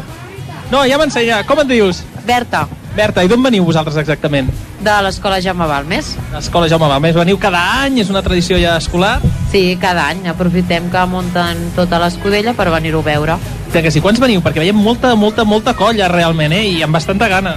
Mira, són dos grups de sisè i dos grups d'I5 i aniran baixant durant el matí altres grups també. Tenir les cuineries i els cuiners, de fet, que tenen preparat molt menjar, però que no saben ni quants vindran. Alguna persona que vulgui parlar per aquí, per la ràdio? Tenim per aquí? Per aquí, com et dius? Aisane. Aisane. Ho he dit bé? Perfecte. Què tal? Què t'agrada l'escudella, tu? Um, sí, Sí, la botifarra? sí, la botifarra también me gusta. Sí. Vols menjar un bon tros, oi? Un bon entrepà? Sí, quiero. Tenen molta gana, ja ho veieu per aquí, que hi ha molta, molta gana.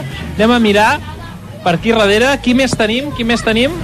Algú vol parlar? Hola, com et dius? Santiago. Santiago, què tal? T'agrada l'escudella i la botifarra, tu? Sí. Sí. Teníeu ganes de venir per aquí? A en feu d'escudella a casa o què? Eh, a vegades. De vegades. Perfecte. Porteu molta gana. Quants veniu de la vostra classe? Con mis tites. Mis tites de la nostra casa. De la nostra casa. Ah, Ens comenten que ha faltat algú. Bueno, eh, ho trobaran a faltar, eh? La veritat, els que han faltat, perquè fa molt bona pinta tot això per aquí. Anem a veure, acabem amb una... No? Anem a veure, A veure. tenim vergonyes, eh? Tenim vergonyes. Aquí, per aquí, ens diuen... Com et dius? Usman. Usman, què tal? Portes gana? Una miqueta. Una miqueta? Què vols esmorzar? Saps que us donaran ja o què? Sí.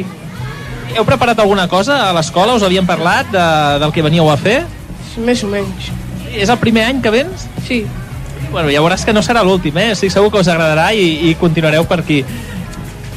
Doncs amb aquests eh, testimonis, Enric, que, que ens apropaves de les escoles de Sant Feliu de Codines, en aquest cas de l'escola Jaume Balmes, els alumnes que estan fent cua ja davant d'aquest estant eh, de la ràdio, veiem els alumnes de l'altra escola amb els que has parlat que ja estan esmorzant i aquest és l'ambient a aquesta hora del matí quan falten dos minuts per clavar el punt de les 10 a la plaça Josep Humbert Ventura de Sant Feliu així que doncs eh, al punt de les 10 tocarà la informació i de seguida tornarem amb més continguts des d'aquí des de Sant Feliu de Codines Gràcies, Roger, gràcies, Enric, gràcies, Isaac. L'equip que tenim del Territori 17 displaçat a la plaça Josep Humbert Ventura de Sant Feliu de Codines, avui amb motiu del Dia de la Ràdio i també d'aquesta festa de l'Escudella.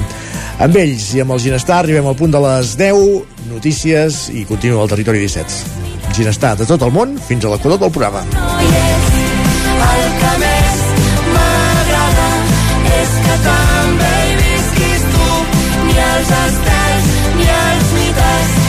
d'altres llocs on no hi ets. D'altres llocs on no hi ets. Llocs on no hi ets. I si hem de tornar a començar, serà quan tot exploti. Potser res és com era abans ni gira igual. Qui sap si quedarà bonic o si tenim a prop por el futur. De tot el món, el que més m'agrada és que també hi visquis tu. Ni els estels ni els mites d'altres llocs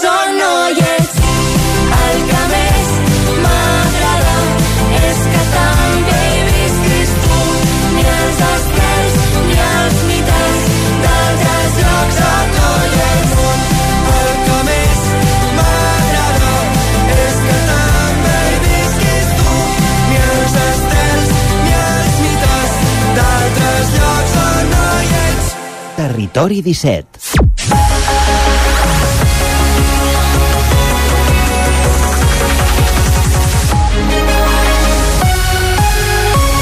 Notícies de les 10, les notícies del territori 17, les notícies del Vallès Oriental, l'Osona, el Ripollès, el Moianès i el Lluçanès, eh, notícies que fem cada matí en comunicació amb les diferents emissores que dia a dia fan possible aquest programa, on Codinenca, Ràdio Cardedeu, la veu de Sant Joan, Ràdio Vic, el 9FM, ens podeu veure també a través de Twitch, YouTube, Televisió de Cardedeu, el 9TV i la xarxa més.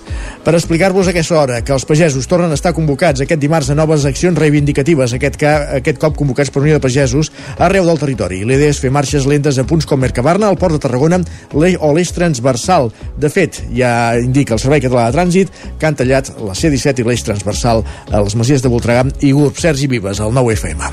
A Osona, els tractors estaven convocats a dos quarts de deu del matí al Sucre de Vic per Unió de Pagesos. A hores d'ara n'hi ha una desena i s'espera que en vinguin més d'altres punts de la comarca. La idea, com dèiem, quan siguin una bona colla serà tallar la C25 i la C17.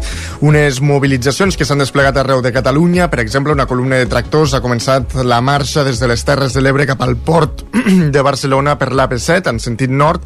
En aquest punt de Tarragona s'espera també que s'hi afegeixin representants de la pagesia de Lleida.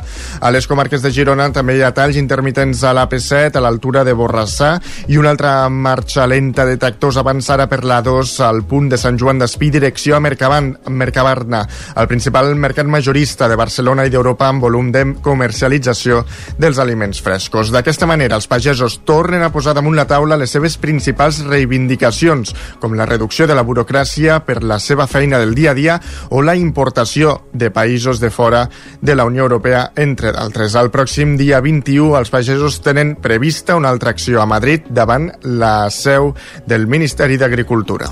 Gràcies, Sergi. Més qüestions. Cinc persones han estat denunciades a Caldes de Montbui, al Vallès Oriental, per fer un mal ús dels contenidors de la zona del Tin durant una campanya de control de la policia local. Roger Ram, zona Codinenca. Ah, Exacte, de fet aquestes 5 persones han rebut multes de 100 euros cadascuna en considerar-se una infracció lleu de la normativa. L'objectiu d'aquesta campanya era evitar l'abocament irregular de residus en determinades zones de Caldes on s'hi havien acumulat moltes queixes veïnals. Aquesta actuació doncs ha permès identificar, com dèiem, 5 persones que estaven fent abocaments irregulars de residus a la zona de contenidors del TIN, tal com explica el sotsinspector de la policia local de Caldes, Josep Manel López. Uh, això ve motivat per, per determinades zones on hi ha grups de contenidors de tota mena, de refuig orgànic i dels els de reciclatge habituals, que se'ns converteixen en, en veritables abocadors. Llavors, eh, des de, des de l'Ajuntament és una, una lluita permanent, des del servei de neteja també és un esforç grandíssim recollir eh, el que hi ha dins dels contenidors i el que hi ha fora, i llavors de tant en tant doncs, quan, quan ens ho permet altres tasques doncs dediquem una mica de temps a perseguir una mica aquells infractors que, que fan que el punt sigui un reclam per uns altres. En aquesta línia, el sotsinspector apunta que en els propers mesos seguiran fent campanyes en d'altres punts de recollida de residus, ja que les males pràctiques s'estenen també en diversos espais del terme municipal. Sí, sí, la farem aleatòriament, evidentment fem moltes coses i tenim els recursos que tenim, llavors doncs, l'adequarem una mica a les nostres possibilitats i les adequarem a les demandes de la zona. Ja dic que aquest és un punt concret, hi ha altres punts que tenen una, una altra casuística. Tenim un punt que directament la gent llença, llença la brossa des del cotxe a passar per la carretera i la llenço aquí. Recordem que l'ordenança municipal reguladora de la convivència ciutadana i de la via pública de Caldes considera infraccions en matèria de residus municipals el fet de dipositar residus diferents als assenyalats per cada classe de servei, dipositar residus fora d'un contenidor o a un contenidor diferent del que toca, lliurar residus prohibits a la recollida domiciliària o no utilitzar els contenidors, lliurar les deixalles sense bossa o sense compactar, entre d'altres sancions. Gràcies, Roger. Més qüestions. Llinars del Vallès rep la doble certificació Biosfer en un moment mediambientalment convuls a l'Ajuntament. Enric Rubio, Ràdio Televisió Cardedeu. Doncs així és, Isaac. Un any més i per tercera vegada consecutiva l'Ajuntament de Llinars ha rebut la certificació de destinació Biosfer pel seu compromís en matèria de sostenibilitat, el qual adquireixen voluntàriament establiments, empreses i entitats del poble per treballar per una sostenibilitat turística d'aquesta destinació. Els objectius principals del compromís Biosfer són concretament la gestió sostenible, la conservació i millora del patrimoni cultural, la conservació ambiental i el desenvolupament econòmic i social, fet que això queda front amb la deriva que ja fa anys que mostra el consistori del poble. Aquest ha estat immers en diverses polèmiques com la construcció d'un dels principals càrtings del país en un corredor ambiental que finalment es va aturar, el lleuger posicionament que va prendre davant del soterrament de la bassa de la Bòbila o actualment amb l'aprovació del Pla Mourató, en col·laboració i suport de l'Ajuntament de Cardedeu, que significa urbanitzar una de les zones naturals que envolten la vila i acabar unint pràcticament per empreses i indústries les poblacions de Llinars de Vallès i de Cardedeu. És per aquest últim fet que entitats i associacions ecologistes s'han començat a mobilitzar, arrossegant a un important teixit de la població, ja que s'hi ha sentit interpel·lada la població d'ambdues viles, i tant a nivell polític com des dels col·lectius que lideren les protestes, hi ha la ferma convicció de que n'hi haurà per una llarga temporada i de que ens sentirem a parlar i molt les properes setmanes. Gràcies, Enric. La policia local de Ripoll, d'altra banda, deté un jove que feia pintades per tot el poble. Isaac Muntades, la veu de Sant Joan. Dimecres passat, la policia local de Ripoll va expedientar i denunciar un jove menor d'edat de Ribes de Freser després de ser identificat com l'autor de nombroses pintades a parets i edificis públics i privats de la vila. La identificació es va poder dur a terme perquè dues agents del cos de la policia local estaven practicant una intervenció entre un grup de joves i van veure similitud entre un dels menors i les imatges enregistrades per càmeres de videovigilància al barri vell mentre feia grafitis. En un primer moment, el noi, de 16 anys, va negar que fos l'autor de les pintades que signava amb el nom de Loco 8, però després de veure les gravacions on apareixia, va haver d'admetre-ho. El cap de la policia local, Francesc Campayo, explicava que fa poc més d'una setmana un veí de Ripoll els va advertir que hi havia un noi jove que feia pintades en diverses parets del centre del municipi. El noi anava amb un grup de persones de la seva edat, però els agents no el van reconèixer. Ara, un cop identificat, se li obrirà un expedient que comportarà una sanció i la neteja de la via pública on hagi fet els grafits. L'Ajuntament ho posarà en coneixement dels propietaris dels edificis privats per si també el volen denunciar. A més del centre, també va fer pintades a la zona de la Devesa del Pla. Campaio explicava que gràcies a les càmeres de videovigilància i control, ara es poden resoldre bretolades que abans eren molt més complicades de controlar. Gràcies també, Isaac, des de la plaça Josep Humbert Ventura de Sant Feliu de Codines, on avui, amb motiu del Dia de la Ràdio, també de la Festa de l'Escoller d'ella, en l'any del centenari de la Ràdio a Catalunya, fem en directe al territori 17. D'aquí una setmana, GURB, a Osona, posarà en marxa el sistema de recollida porta a porta Sergi Vives al 9FM. Aquest és un dels projectes de gran envergadura que té Josep Casasses, alcalde de Gurb des de l'any 2019, que a les eleccions municipals del maig de l'any passat va revalidar el títol per majoria absoluta. Diu que el canvi és una necessitat. Era necessari fer un canvi en el model de recollida a GURB perquè a mesura que altres municipis de la comarca han anat fent el porta a porta nosaltres hem anat recollint cada cop més recollida, mm, residus d'altres d'altres municipis i això ens ha fet repensar el model, hem analitzat les diferents opcions que teníem i avui per avui doncs, el porta a porta sembla que és el model més, més eficient, eh, si es fa bé pot arribar a uns nivells doncs, de, de reciclatge i de separació del, del 80, entre el 80 i 85%. Un altre dels projectes de la legislatura és l'Institut. Les obres d'aquest equipament van començar el setembre de l'any 2022 i, segons Casasses, ja estan pràcticament finalitzades. L'institut està, com aquell qui diu, acabat, estan eh, acabant els últims serrells de- d'instal·lacions interiors i, i algun element de façana que pugui quedar, però però diguem que l'obra està pràcticament finalitzada. L'objectiu és que els alumnes l'estrenin aquest mateix curs i de forma imminent, després de Setmana Santa.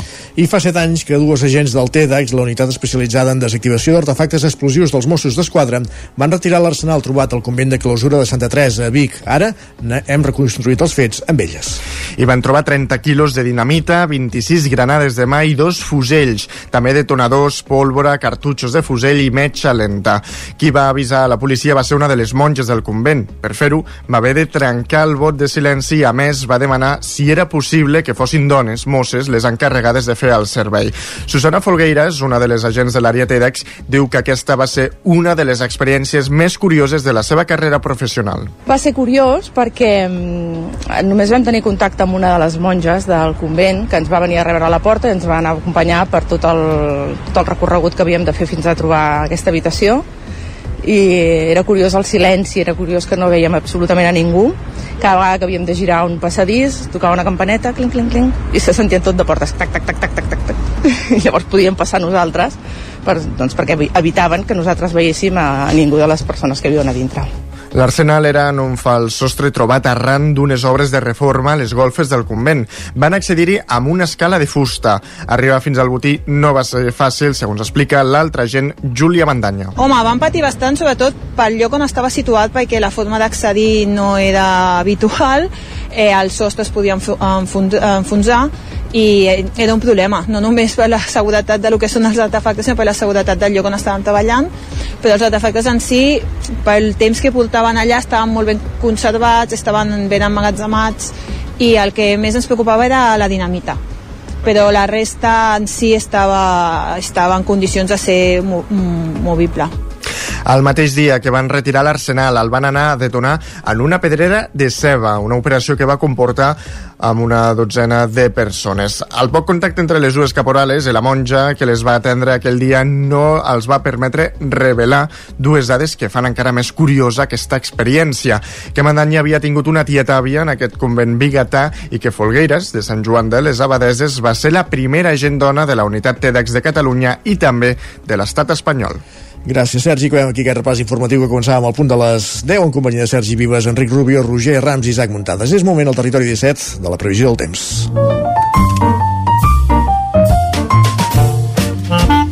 Casa Terradellos us ofereix el temps. Pep Acosta, quin temps farà avui? Hola, molt bon dia a tothom. No hi ha cap canvi ni a curt ni a mig termini que, que, que pugui eh, que pugui fer preveure un canvi de temps important, eh, molta menys sequera, no, no, no, no es veu per enlloc, no hi ha manera de que, de que les coses puguin canviar. Eh, les temperatures mínimes avui altíssimes per l'època de l'any, cap glaçada a les nostres comarques, cap glaçada, eh? A llocs tan fets com, com el Moianès, com el Ripollès, Osona, eh, no hi ha glaçades al, al mes de febrer, una cosa molt inusual.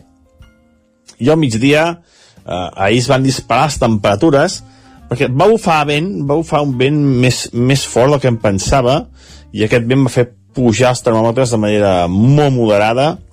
Avui aquest vent està molt més encalmat i no pujaran per tant les temperatures. Uh, moltes màximes quedaran entre els 15 i els 17 graus, que, que ja són altes, però no els esperaran tant uh, com ahir.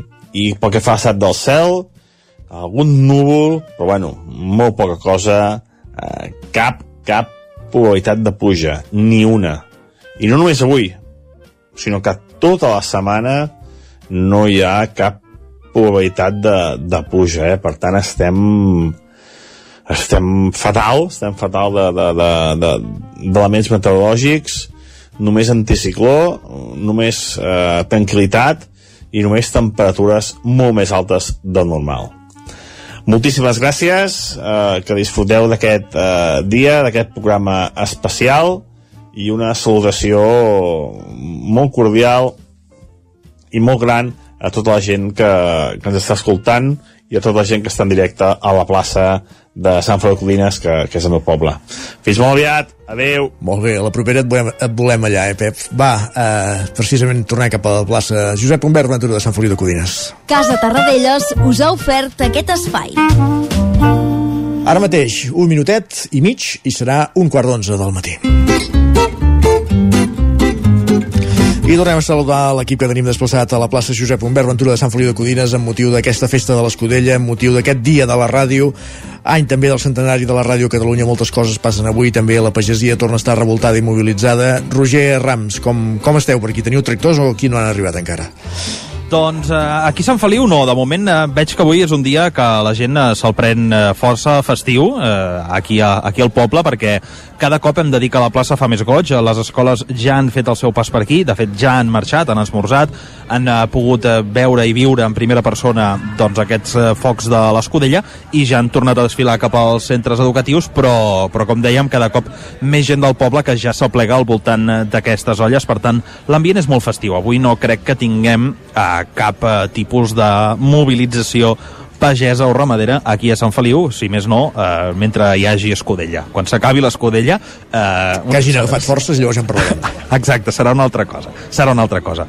I res, en aquest espai ara volíem fer una mica de, de dia de la ràdio, no? que al final també és un dels motius, com deies, Isaac, que ens ha portat avui a sortir dels estudis i estar aquí a peu de carrer, perquè eh, al final és el nostre dia a dia a la ràdio i el que volem fer en els propers minuts és parlar una mica justament d'aquest eh, mitjà de comunicació eh, amb, amb tots els integrants del Territori 17. Eh, bon dia, nois, seguiu aquí, eh? Seguim, Seguim aquí, seguim aquí, sí. Uh, amb, amb el fred no sé com el porteu, eh? jo el porto fatal ara, ara mateix.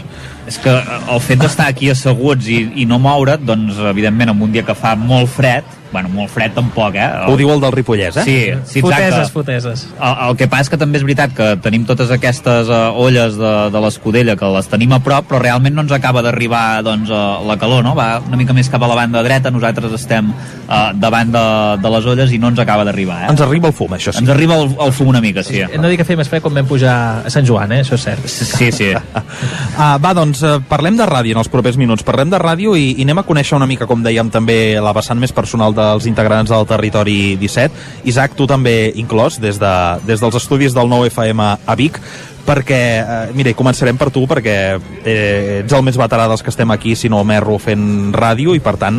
Eh, I, i, de- i d'edat segurament també. Bé, però Vaja. a- avui parlem de ràdio. Ah, entesos. Una mica, explica'ns, va, Isaac, en el teu cas, com, com vas començar tu a la ràdio? Quin és eh, el teu primer contacte? Uh, fa molts dies d'això, eh? I, de fet, segurament, uh, si m'he acabat dedicant al que m'he acabat dedicant, també ve precisament gràcies a, a, aquests inicis prematurs a la ràdio, que devia tenir 13-14 anys, si no pas més. Uh, vaig començar a la ràdio del meu poble, a Ràdio Ona, a Torelló, uh, com dèiem, això era a principis dels anys 90, com a col·laborador, primer de tot fent un programa que feien des del punt d'informació del, del poble, el punt 16, en diuen allà, el punt d'informació juvenil, i cada setmana amb un company de l'escola anàvem allà a llegir informacions que donàvem des del punt d'informació, imagina't. Eh, el, el meu inici a la ràdio, quin va ser? I a partir d'aquí eh, et vas implicant, et vas endinsant en el món de, de la ràdio i fins que la, la, la, la, el voluntariat a l'emissora o la col·laboració es va convertir en feina i, i llavors ja gairebé... Eh, Ja t'ha enganxat. Sí, sí, ja, ja hi ets. Passa que llavors va, va, els meus inicis van ser a la ràdio, però he estat molts anys sense fer ràdio, també t'ho diré. Sí que he fet coses puntuals a nivell de, amb amics, fent col·laboracions i tot plegat, però llavors professionalment em vaig dedicar primer una part al paper i llavors a la televisió fins que ara, doncs mira, torno a estar cada dia davant de, del micròfon. Vull dir que, en fi, déu nhi ara això sí, de ràdio eh, n'he fet n'he fet molta, però n'he escoltat molta més. Vull dir que, Mhm. que això és una cosa que sempre la, la porto intrínseca, ja a casa de petit sempre ha sonat la, la ràdio diferents em- emissores, i és una cosa que he anat mantenint, i el cotxe, normalment quan vaig amb cotxe poques vegades escolto música, sempre escolto més aviat la, la ràdio Com, com servidor, eh? També, també soc, soc, soc d'aquest equip. Uh, deixa'm dir-te, Isaac, deixa'm preguntar-te com a, com a veterà, ara ens explicaves aquesta trajectòria una mica. Per, per on has passat de, de, de la ràdio? Per quines cases has passat? La veritat és que molt poques, eh? Però això, el que et deia, Ràdio Ona, Torelló. Eh, llavors vaig fer una col·laboració curta, de tan curta que va ser de quatre caps de setmana, perquè va, va durar un mes la cosa, perquè llavors van, van xapar la barraca. Vaig, vaig estar un mes treballant a, a Flash TV i quan treballava a Flash TV eh, els que estàvem allà a la redacció de Flash també fèiem els butlletins informatius de, flash, de Flashback, em penso, o algun en concret. Per tant, vaig fer durant un meset butlletins de flashback i posteriorment vaig estar un estiu a, a, a RAC1, el RAC1 pre-Basté, diguéssim, perquè va ser l'estiu del 2004. L'estiu del 2004 que l'estiu que era allà, és a dir, va ser l'any de la Catombi de Basté a Catalunya Ràdio, és a dir, jo vaig plegar el setembre d'allà i el setembre aterrava, o a finals d'agost aterrava a Basté a RAC1, primer fent una, una, un programa d'esports i llavors al cap d'uns anys ja al matinal, perquè al matinal llavors també hi havia canvis, l'havia deixat de fer l'Albert Tom i aquella temporada el començava en, en Xavi Bosch. Però això va ser un estiu, llavors ja vaig venir a treballar aquí a la casa on sóc ara, al 9-9, primer al, diari, llavors a, a la televisió, al 9TV, i ara aquí també compartint redacció del diari amb la, amb la del 9FM. Sempre, sempre tornant una mica als orígens. Correcte. Ah, ara I, pel, I pel mig he mantingut algunes col·laboracions amb Ràdio Naturalló també, evidentment. Home, sem- mai, mai, s'ha de perdre la, la casa que, que t'ha vist néixer, no? Exacte. diguem així. Uh, no sé, uns inicis eh, similars que potser ha tingut també l'Isaac Muntades, de la veu de Sant Joan. Explica'ns una mica, Isaac. Sí, a, a veure, suposo que com l'Isaac al final acabes començant al teu poble. Jo a la ràdio segurament fa més de 10 anys que hi vaig eh, entrar-hi a través de l'AIFFM, que era la- l'antiga emissora de, de Can Bànol, municipal, que, que es deia així. Uh, després ara, amb el temps, s'ha canviat el nom i ara sí que és Ràdio Municipal de, de Can Bànol i, i allà vaig començar a través de- d'en de, Josep eh, Lloret, que era el director de, de l'emissora, que en, en aquest cas el que fèiem bàsicament eren una espècie de butlletins eh, informatius eh, setmanals, tot voluntari, evidentment, sense cobrar, perquè quan entres en aquests llocs, doncs al final eh, ho fas una mica també perquè, perquè t'agrada i vols fer alguna cosa de, del ram periodístic i bé, i, i t'agrada fer coses del, del teu poble en aquest cas.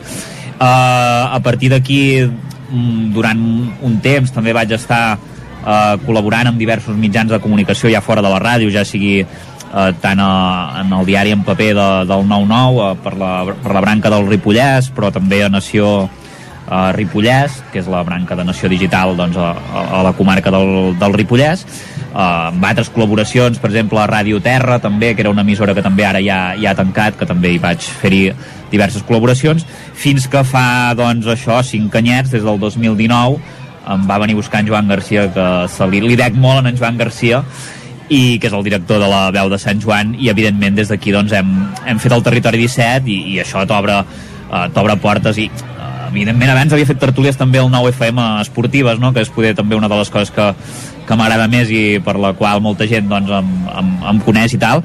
I, i bé, aquí combinant una mica amb, eh, amb els informatius del de, Territori 17 al magazín i també el diari en paper del, del 9-9 això seria una mica la trajectòria a la ràdio realment fa temps que hi vaig començar-hi però, però sobretot es- aquesta època ha estat la més intensa, no?, aquests 5 anys Enric, explica'ns, va, Enric Rubio. Doncs mira, el temps és relatiu, però realment fa 5 eh, mesos que he fet el meu primer pas per la ràdio, de fet, eh, anteriorment, bueno, com a mínim eh, fent ràdio, no? Mhm. Vull dir, sense ser entrevistat, que sí que havia passat en aquesta- d'aquesta manera, però, però realment em va venir absolutament de nou. Jo sí que estava al món de la comunicació no? en diversos aspectes, des de xarxes socials fins a, aspectes de comunicatius d'algunes empreses que havia estat.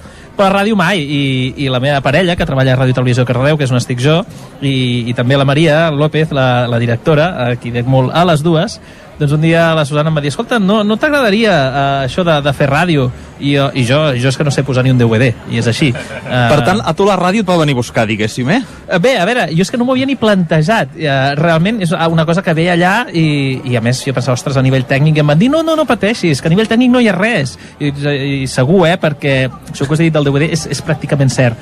I el primer dia que vaig arribar allà eh, tenia moltes ganes de comunicar, però vaig veure que la taula de so feia un metre quadrat, gairebé molts botons, i realment els inicis van ser molt apassionants, eh, ostres, de moltes gotes de suor, però realment veig que és un món que m'ha atrapat absolutament i que, i que és molt maco. A més, en, en el meu cas, no? vull dir, he estat començar amb una amb una ràdio-televisió comunitària, que també això que és, doncs, que és els socis, no? que també m'agrada molt aquesta vessant, que no depèn ni, ni d'un color polític de l'Ajuntament ni d'un empresari, no? ni que necessitis doncs, eh, rendir aquestes, aquests comptes, i és una cosa doncs, bastant genuïna i que és eh, potser el que més m'ha enamorat, no? que fem el que ens ve de gust en el millor dels sentits i, i no tenim mm, eh, franges vermelles pràcticament, mm. de fet això es pot sentir amb l'Infopodcast que és la part que més m'ha atrapat ara últimament Té, té això la ràdio, eh? La ràdio té això, això que enganxa. Jo, en el meu cas, també una mica una història similar pràcticament a la que explicàveu els Isaacs, eh, també iniciant a, en el meu poble, en el meu cas a Castellà al Vallès,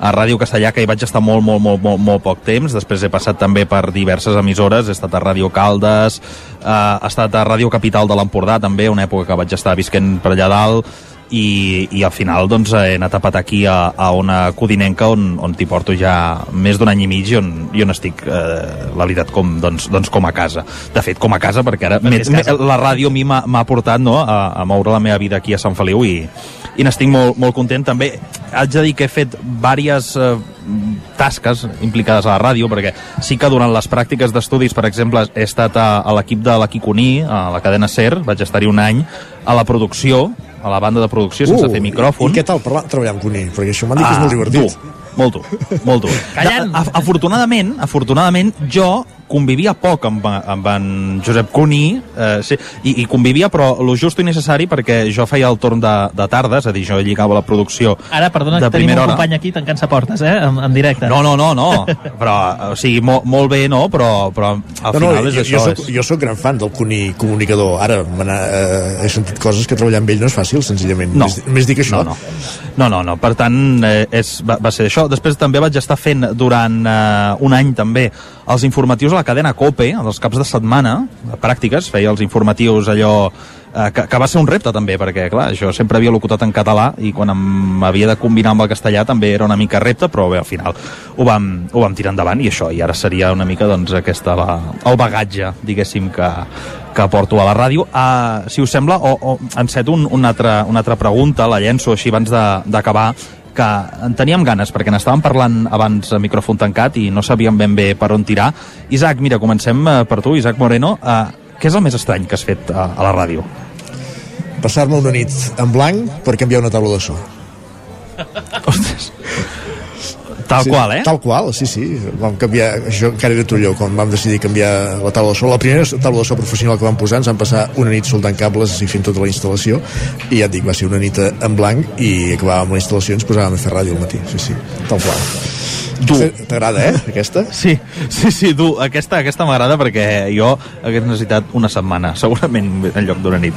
Uh, Enric, va, explica'ns, què és el més estrany que has fet tu a la ràdio? Jo potser va ser només arribar, uh, estem parlant que va ser aquest octubre, que aquest octubre era com un ple mes d'agost, i la nostra ràdio, doncs, uh, el sostre dona directament a dalt, a taulada, i vaig començar fent ràdio en calçotets, realment, perquè vaig arribar en bicicleta, feia molta calor, no sortíem amb imatge, era només ràdio, i realment no podia suportar-ho, dic, ves, mira, doncs això com els telenotícies, no?, pel confinament, que sortien en banyador, no?, que només sortia americana, i sí, sí, vaig haver d'arribar i dic, oita tu, no sé si aquests començaments seran uh, pre precursors d'un bon futur o, o, o què, però sí, sí, ràdio en calçotets. Que també, mira, dona per un bon títol de programa. Teniu 10 Isaac. segons per explicar les anècdotes que falten, eh? Ui, va, va, cara barraca. M'has enganxat, eh? Va, ja, ja, si no te l'explico jo una. Va, mira, jo quan estava fent la producció del Cuní, eh, el més estrany que he fet és que m'enviaven tots els dimecres a la secció de sexualitat a preguntar eh, els gustos i parafílies sexuals de la gent al Passeig de Gràcia de Barcelona. Ah, veus, allà no et coneix ningú, mira. Ja està, ja està. Això era... I tu vas passar bé o no per això? Vaig patir més que vaig gaudir, la Molt veritat. La veritat. Va, gràcies Roger, Enric i Isaac. Eh, reprenem el fil del territori 17, pausa i recta final amb les piolades i com cada dimarts amb el racó de pensar amb la Maria López, avui parlant de poliamor, la segona part que dediquem a aquesta temàtica. Bon dia de la ràdio tots tres, fins ara. El nou FM, la ràdio de casa, al 92.8. La qualitat de les teves impressions és important per tu? Estàs cansat que els colors i les imatges no surtin com t'esperes? A Impremta Mater disposem de la tecnologia més avançada i els millors professionals per aconseguir impressions d'alta qualitat. Fem tota classe d'impresos amb acabats professionals. Llibres, catàlegs, revistes, tesis, calendaris, enquadernacions... I a més, disposem del servei d'impressió digital en gran format. Roll-ups, lones, pòsters i molt més. Impremta Mater. Ens trobaràs a la carretera de Sant Hipòlit 23 de Vic o impremtamater.com.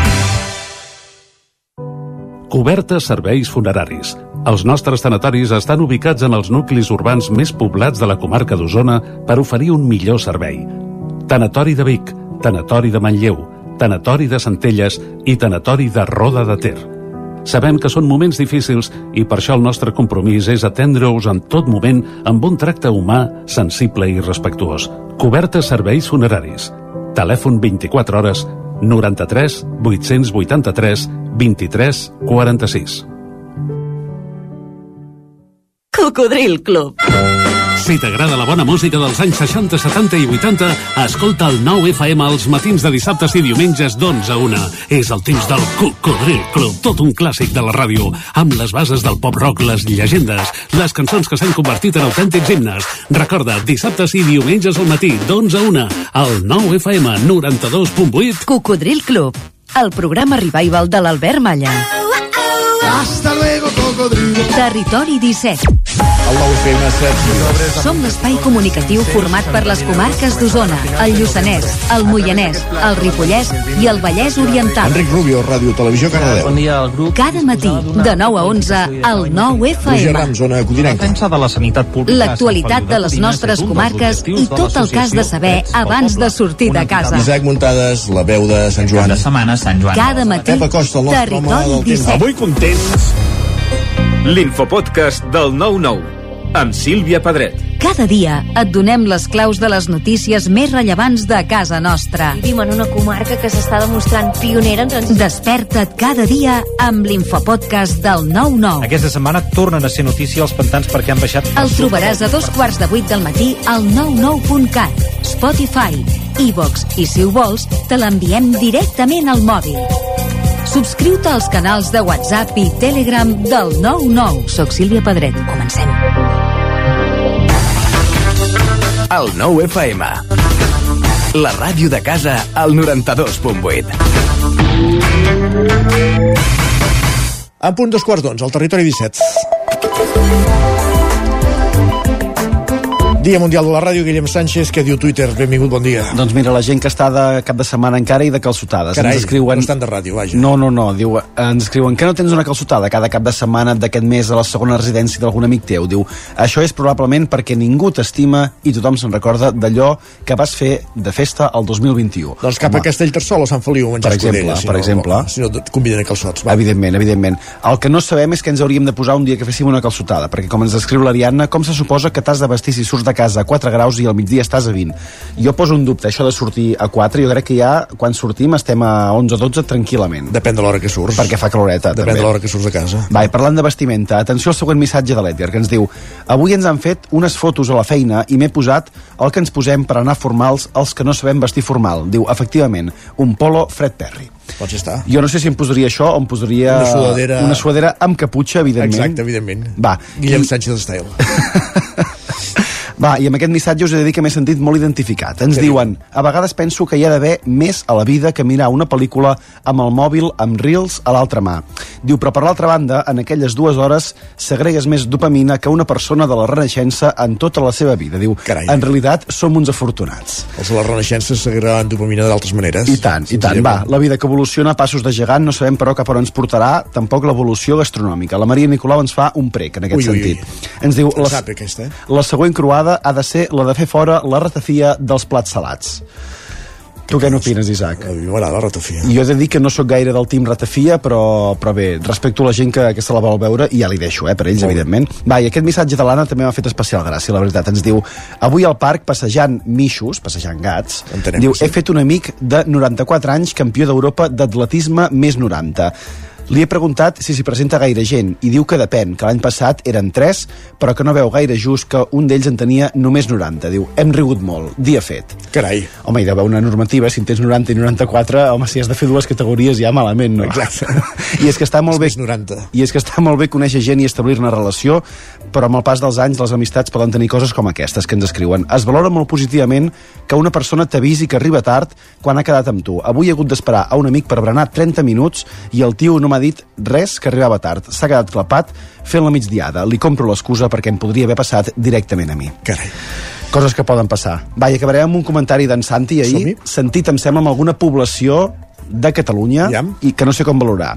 Diu, va, baixem, que hi ha altres nens esperant pel columpi. El columpi. Gronxador. Gronxador, sisplau, fem servir bé el Que tant català, per tant diem columpio, ja, si ja em diré malament, diem columpio. que no costa una, una punyetera merda. Ara ho has dit. Gràcies, Sánchez. Va, que vagi bé.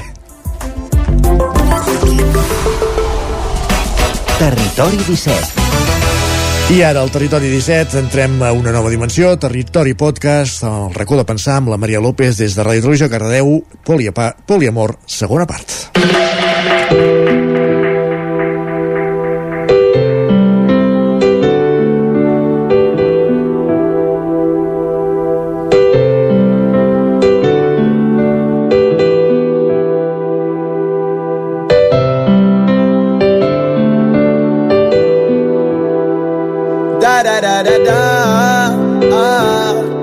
Dius que m'estimes a mi i que estimes moltes altres. T'entenc i em fa feliç que desitgis més persones, mil maneres d'estimar.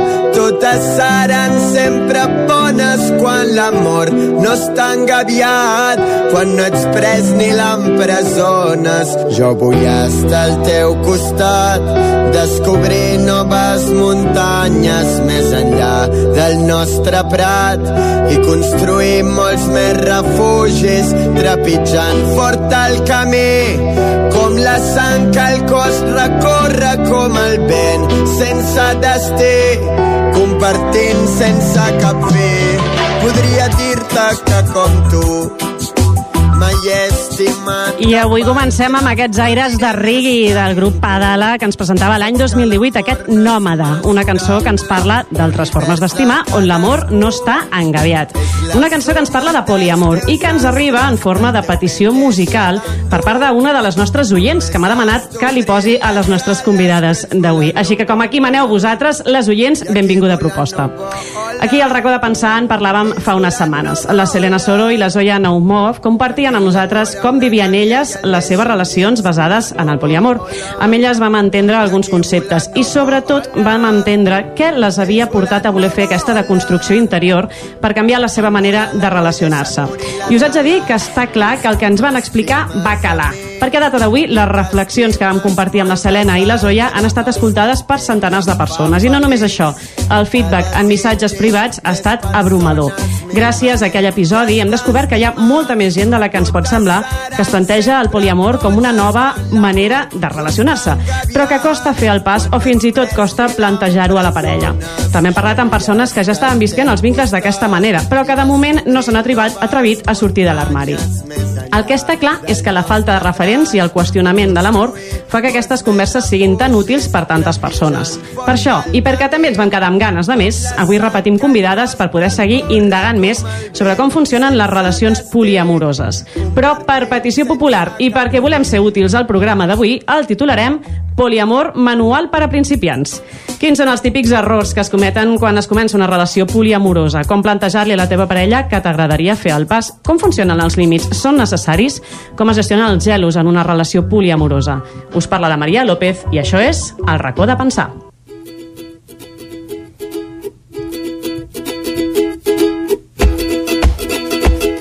El racó de pensar, des de Ràdio Cardedeu. I per parlar de poliamor, com us deia a l'inici, avui repetim convidades. I és que ens, van, ens ho van passar tan i tan bé l'últim dia, així que ens vam quedar amb ganes de molt més. I és que d'una banda ens acompanya novament la Selena Soro. Ella és escriptora i periodista i la podríem titular la nostra community manager del poliamor, perquè fa una gran tasca de divulgació del tema a través de les seves xarxes socials. Bon dia, Selena. Gràcies per acompanyar-nos i, escolta, enhorabona per la publicació de l'últim corp, que estic desitjant que ens arribi a la tele per poder llegir-lo ja. Moltes gràcies per convidar-me. I avui ens acompanya també, i aquest cop em fa molta il·lusió perquè ho fa aquí amb nosaltres des de l'estudi i no a través del telèfon, la Zoya Naumov, esportista d'elit, especialista en 800 metres d'atletisme i també psicòloga i orientadora educativa. I entre d'altres imparteix tallers d'educació afectivo-sexual emocional. Moltes gràcies, Zoya, que a més has pogut fer així combinacions per poder acompanyar-nos en presència. Moltes gràcies, em fa molta il·lusió Que poder estar aquí. Noies, d'entrada permeteu-me que us doni les gràcies perquè eh, si quan vam gravar el darrer capítol parlàvem de falta de referents que us havia passat a vosaltres no? en matèria de poliamor, no sé si sou conscients que amb aquestes converses que tenim us esteu convertint d'alguna manera en referents per a altres persones i això és molt important, així que gràcies per obrir-vos i compartir amb nosaltres les vostres històries. Dit això, us deia que el capítol d'avui hem decidit titular-lo Poliamor, manual per a principiants, perquè si alguna cosa hem descobert amb aquesta primera part del programa és que hi ha molta gent que s'ho planteja com a alternativa en les seves relacions, però bé no saben comunicar-ho a la parella o ho han parlat però no tenen clar com fer aquestes primeres passes. Així que ho intentarem, si us sembla, ajudar d'alguna manera les persones que ens escolten i volen fer aquest, aquest pas. No? D'entrada, m'ha sorprès la quantitat de gent que té al cap aquesta possibilitat i que potser no ho verbalitzen o no ho diuen de manera tan oberta. No sé si ens podria explicar una miqueta vosaltres com ho vau plantejar inicialment a la vostra parella, si és que estàveu tenint parella en aquell moment, o com us ho vau plantejar, o en quin moment us trobàveu i dieu, va, faig el pas. Selena. Mm. En, en el meu cas vaig ser jo qui ho va plantejar a la meva parella. Um, al principi no tenia molt clar què, què volia fer o on volíem anar, aleshores, eh, al principi ho vaig plantejar com una qüestió sexual, d'obrir la relació sexualment per experimentar amb altres persones. Portàvem amb la meva parella 7 anys de monogàmia, jo abans havia tingut només una parella i és com que tenia poca experiència. Aleshores em venia com de gust explorar una miqueta més i li vaig proposar d'obrir la relació. Al principi ho vam plantejar com això, una cosa sexual, i a poc a poc, mentre anava avançant, ens vam adonar que era com per nosaltres una mica artificial limitar-ho només a, a la sexualitat perquè sorgien emocions i sorgien sentiments i, i et venia de gust també ser afectuós eh, i carinyós amb les altres persones i no limitar-ho només no, una trobada sexual i aleshores eh, aquí va ser el gran repte que va ser quan vam començar a deconstruir moltes de les coses que ens havien ensenyat i quan vam haver de, de començar a llegir i a, i a canviar moltes coses sobre com ens relacionàvem entre nosaltres i aquest va ser el repte al principi d'aquest camí. Ho va rebre, en aquest cas vas fer tu el pas de proposar-ho, ho va rebre bé la teva parella? Ho va rebre amb molta acceptació i curiositat. Eh, això sempre li agrairé perquè és un gran un gran company d'aventures, sempre m'acompanya com a totes les aventures. Nosaltres hem fet molta muntanya junts i és molt important perquè, de fet, per mi el camí del poliamor ha sigut com pujar una muntanya, una muntanya molt alta, una muntanya difícil i complicada, per la qual necessites estar equipat, necessites eh, tenir els músculs entrenats, aleshores eh, tenir un bon company, bons companys o companyes que t'acompanyin en aquesta aventura i per mi sempre la idea ha sigut pujar la muntanya junts, és a dir, arribar a dalt junts. No sempre ho he sabut fer bé, és a dir, a vegades he anat massa de pressa i alguna persona s'ha quedat una mica enrere i ha hagut de parar i ha sigut un aprenentatge constant de, de com pujar aquesta muntanya conjuntament. Mm -hmm. Zoe, en el teu cas, si no recordo malament, vas rebre la proposta per part de l'altre o era una decisió d'inici? Va ser una mica una, una decisió d'inici tenint en compte la, la diferència d'edat, com vaig comentar en aquell moment, i una mica doncs, en, en el sentit que deia la Selena, jo quasi bé no havia tingut, mantingut relacions sexuals tampoc amb, amb algú altre, no? Però una mica per... Al final la, la meva, crec que la meva evolució va ser molt semblant a, a la de la Selena i el que afegiria potser per a aquelles persones que, que, que ens demanen, no? que, ha, que fa més temps que tenen parelles formades, que igualment han viscut d'altres relacions, jo crec que s'ha de veure com, com, una, com una ceba no? que has d'anar pelant diferents capes. Llavors, al final, el, el veure com una aventura amb la teva parella, no? com dir, estic en un moment on, on sento que necessito d'altres coses, no? expressar, la comunicar-te, no? ja sigui una persona eh, la que tingui la necessitat o l'altra. Crec que és molt important la comunicació de la parella i, i aquesta, la necessitat de relacionar-te amb altres persones i d'explorar és, eh, és superimportant que qui ho senti tingui la confiança no? de poder asseure, asseure's amb una persona i dir-li i aquí ho vinculo molt amb l'altre dia un podcast que també escoltava de, que em, em van compartir que també es parlava sobre poliamor i, i parlaven també sobre, sobre la confiança, no? la importància de poder confiar en la teva parella, o sigui, tu has de tenir por a poder-li dir a, a la persona o a les persones amb qui estàs compartint vincles el que sents, no? el que sents, el que necessites. Crec que també hi ha una part d'educació de, emocional molt important no? i de tenir tu també molt clar eh, què els vols expressar, no? d'on neixen. Per tant, us diria com, abans de decidir plantejar una, una cosa així, pregunta't d'on neix, no? Eh, d'on ve? És que tinc una necessitat sexual que la meva parella no em pot cobrir a nivell de pràctica sexual o de desig sexual? És un tema que em sento més avorrit o més avorrida i vull buscar nous estímuls, noves aventures? No? Crec que jo començaria mm, plantejant el qüestionament. D'on mm. neix no? aquestes ganes que teniu d'obrir? És que voleu canviar també un sistema relacional? Llavors, a partir d'aquí, crec que, com diu la Selena, i crec que és la forma en la que comença tothom, perquè és com agafar i destruir-ho tot de cop és, és una bogeria, no? Llavors, crec que anar traient aquestes diferents capes de la ceba, primer, doncs, acostar-te i compartir relacions sexuals amb, amb la teva parella, amb algú altre, doncs, et pot apropar anar veient on estan els teus límits i quines són realment les teves necessitats. Uh mhm. -huh. Ara, d'alguna manera, parlaves d'aquests plantejaments que et porten a, a fer aquesta proposta. Ha algun dels plantejaments que digueu, mm, error, o sigui, aquest no és un bon inici o no és un bon motiu com per arriscar-te, arriscar-vos uh, a que això sigui la solució? Um, a veure, el que és segur és que si vols començar aquesta aventura has d'estar bé amb la teva parella, és a dir, això és per les persones que tenen una parella i decideixen obrir-la. Um, has d'estar bé. Um, nosaltres, per exemple, amb, amb la meva parella no vam començar això perquè estiguéssim avorrits o perquè ens faltés alguna cosa i tinguéssim alguna mancança, no, va ser com a veure com més podem créixer, eh, quines més experiències podem viure, és com sumar eh, sumar tota l'estona. Aleshores, eh, crec que és molt important que si fas això estiguis bé amb la teva parella, no ho facis per arreglar la, la relació perquè és, probablement serà, serà un desastre si ho fas per això. Eh, aleshores, és molt important això que deia la Zoya de la confiança i de la comunicació. Aleshores, has d'estar bé i has d'estar disposada a comunicar i fer-ho amb converses molt incòmodes perquè uh, al final uh, de construir no? és com que de sobte agafaràs el que era una màquina no? i sortiran totes les peces, tots els engranatges i tot això sortirà fora per tant, eh, al final tot sortirà per tant, eh, no t'ho estalvis, eh, tingues les converses incòmodes que hagis de tenir perquè és que, és que estarà tot allà a la llum, aleshores millor, millor treballar-ho. Tot i així, segurament eh, és de les situacions en les que més gent s'ho deu plantejar, és com a solució, no? Perquè Suposo que hi ha la, la sensació que quan una parella està funcionant, com per què tocar-ho, no? No, no la liem i, i que segueixi funcionant i que segurament molta gent ho posa per la taula, la, sobre la taula precisament quan és menys recomanable, que és quan alguna cosa està fallant, no? No sé si ho veieu d'aquesta manera, també. Sí, en, aviam, a nivell sociològic, com a societat, jo estic veient, no?, que nosaltres ara, doncs, hi ha hagut uh, generacions amb molts divorcis, no?, estan canviant molt els rols de gènere, i estem veient com la, la gent està disposada i té ganes d'obrir i, i veure alternatives, no?, de dir, aviam, de quina manera podem seguir plegats, no?, també, però no ens estem podent cobrir el que necessitem, i i crec que hi ha moltes parelles des del plantejament de començar com a parella, perquè sento que també treballant amb joves el que veig també entre les joves és que ara hi ha molta gent que també ho comença o ho inicia des d'una forma més identitària, no, no des d'una forma tant de d'orientar, o sigui, de, com un concepte d'orientació relacional i no només des d'una forma o un sistema de relacionar-te, no? Uh -huh.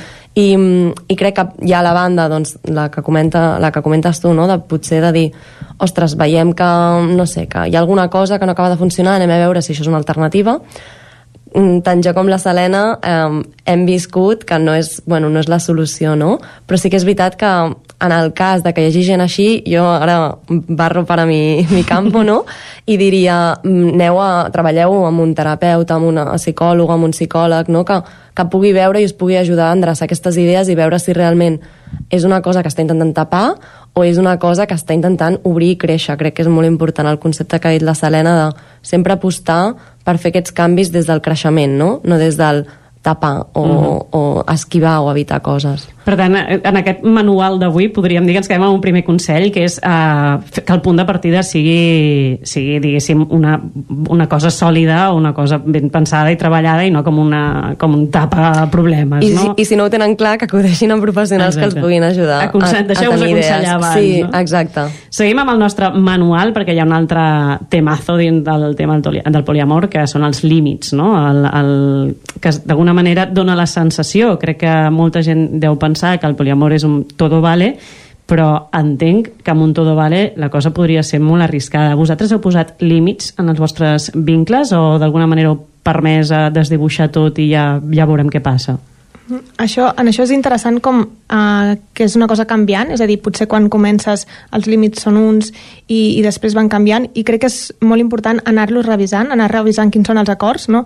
A banda dels límits és molt important quan es comença una aventura d'aquest tipus eh, decidir quins són els acords de cada parella, no? I cada parella té uns acords que eh, en funció de les seves circum- circumstàncies eh, els meus, per exemple, amb els meus vincles, eh, la veritat és que amb alguns, per exemple, és dir-nos bon dia i bona nit i ja està. Per tant, els nostres límits, eh, els nostres acords, eh, diguéssim que ara com que portem un, un bon recorregut, cada vegada eh, necessites eh, posar menys límits en el sentit de potser menys estrictes, no?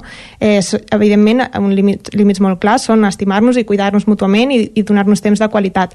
Però més enllà d'això, eh, hi ha molta llibertat perquè cadascú decideixi amb qui vol passar el temps, eh, quan, si vol dormir, si vol anar-se'n de viatge, o sigui, um, és una cosa que, com deia eh, la Zoya de les capes de ceba, no? uh, doncs potser a mesura que vas uh, traient capes potser ja no necessites eh, coses que abans necessitaves, no? Mhm. Aleshores, eh, en el meu cas, doncs això, tenim, ens diem bon dia i bona nit i, i ja està. Però està molt bé que hagueu arribat a un punt on el límit sigui aquest, no? Quasi que va, és ja un tema d'educació, com qui diu, no? Exacte, educació. Zoya, tu has posat límits i, i, o, o creus que te n'han faltat o que potser en algun cas no sé si alguna vegada heu considerat que us han posat un límit que també hagis pogut dir, home, doncs et passes, vull dir, perquè això ja no té cap sentit, llavors. Sí, no, sens dubte, els límits eh, han d'existir. Com diu la Selena, crec que van agafant una forma o una altra en funció de, del moviment que també va agafant les relacions, no? i mm, en el meu passat um, bueno, la, primera, la primera relació que vaig tenir doncs, potser sí que eren al principi uns límits més marcats no?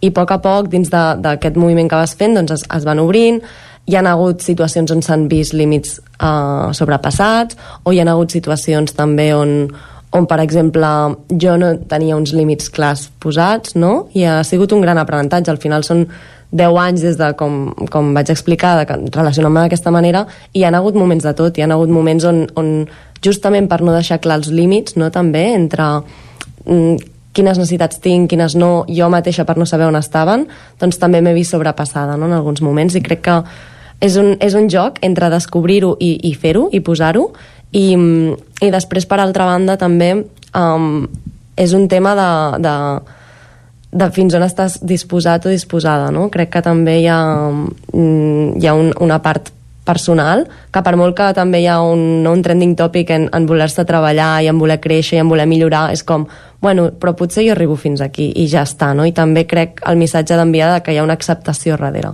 que a vegades uh, a mi, per exemple, m'ha costat, no? He, he volgut partir molt des de una deconstrucció total i no posar cap límit uh Mhm. -huh. i de sobte dir, ja tens límits, no? I no, I no passa res per I no passa res per tenir-los. Llavors, crec que també transmetre aquesta importància de l'acceptació, Mhm. on cadascú tingui els seus i, i on estiguis disposat a, a, a, buscar una mica de...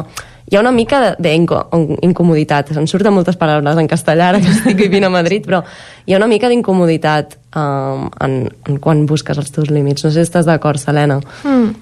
Um, a mi he de dir que la incomoditat, estranyament, no m'ha incomodat mai massa. Mm. És a dir, eh, per exemple, a mi, amb, amb els límits, no? A mi em costava eh, que em diguessin, aquesta persona no. I jo pensava, a mi des del meu cap no m'entrava al cap que algú altre que no fos jo pogués decidir què faig amb el meu cos i amb el meu temps. I aleshores això és que em tornava boja. Aleshores eh, durant un temps és, és com és que no puc, no puc acceptar o sigui, no podia. I aleshores la meva, el meu vincle en aquest cas va veure que, que realment mm, bueno, que no li podies posar portes al camp. I és veritat que jo aquí potser ara amb el temps potser m'ho- m'ho hauria pres, m'hauria pres diferent i hauria anat potser una miqueta més a poc, a poc a poc, potser hauria escoltat més l'altra persona, però vaja, en aquest moment eh, ho, vaig, ho vaig viure així.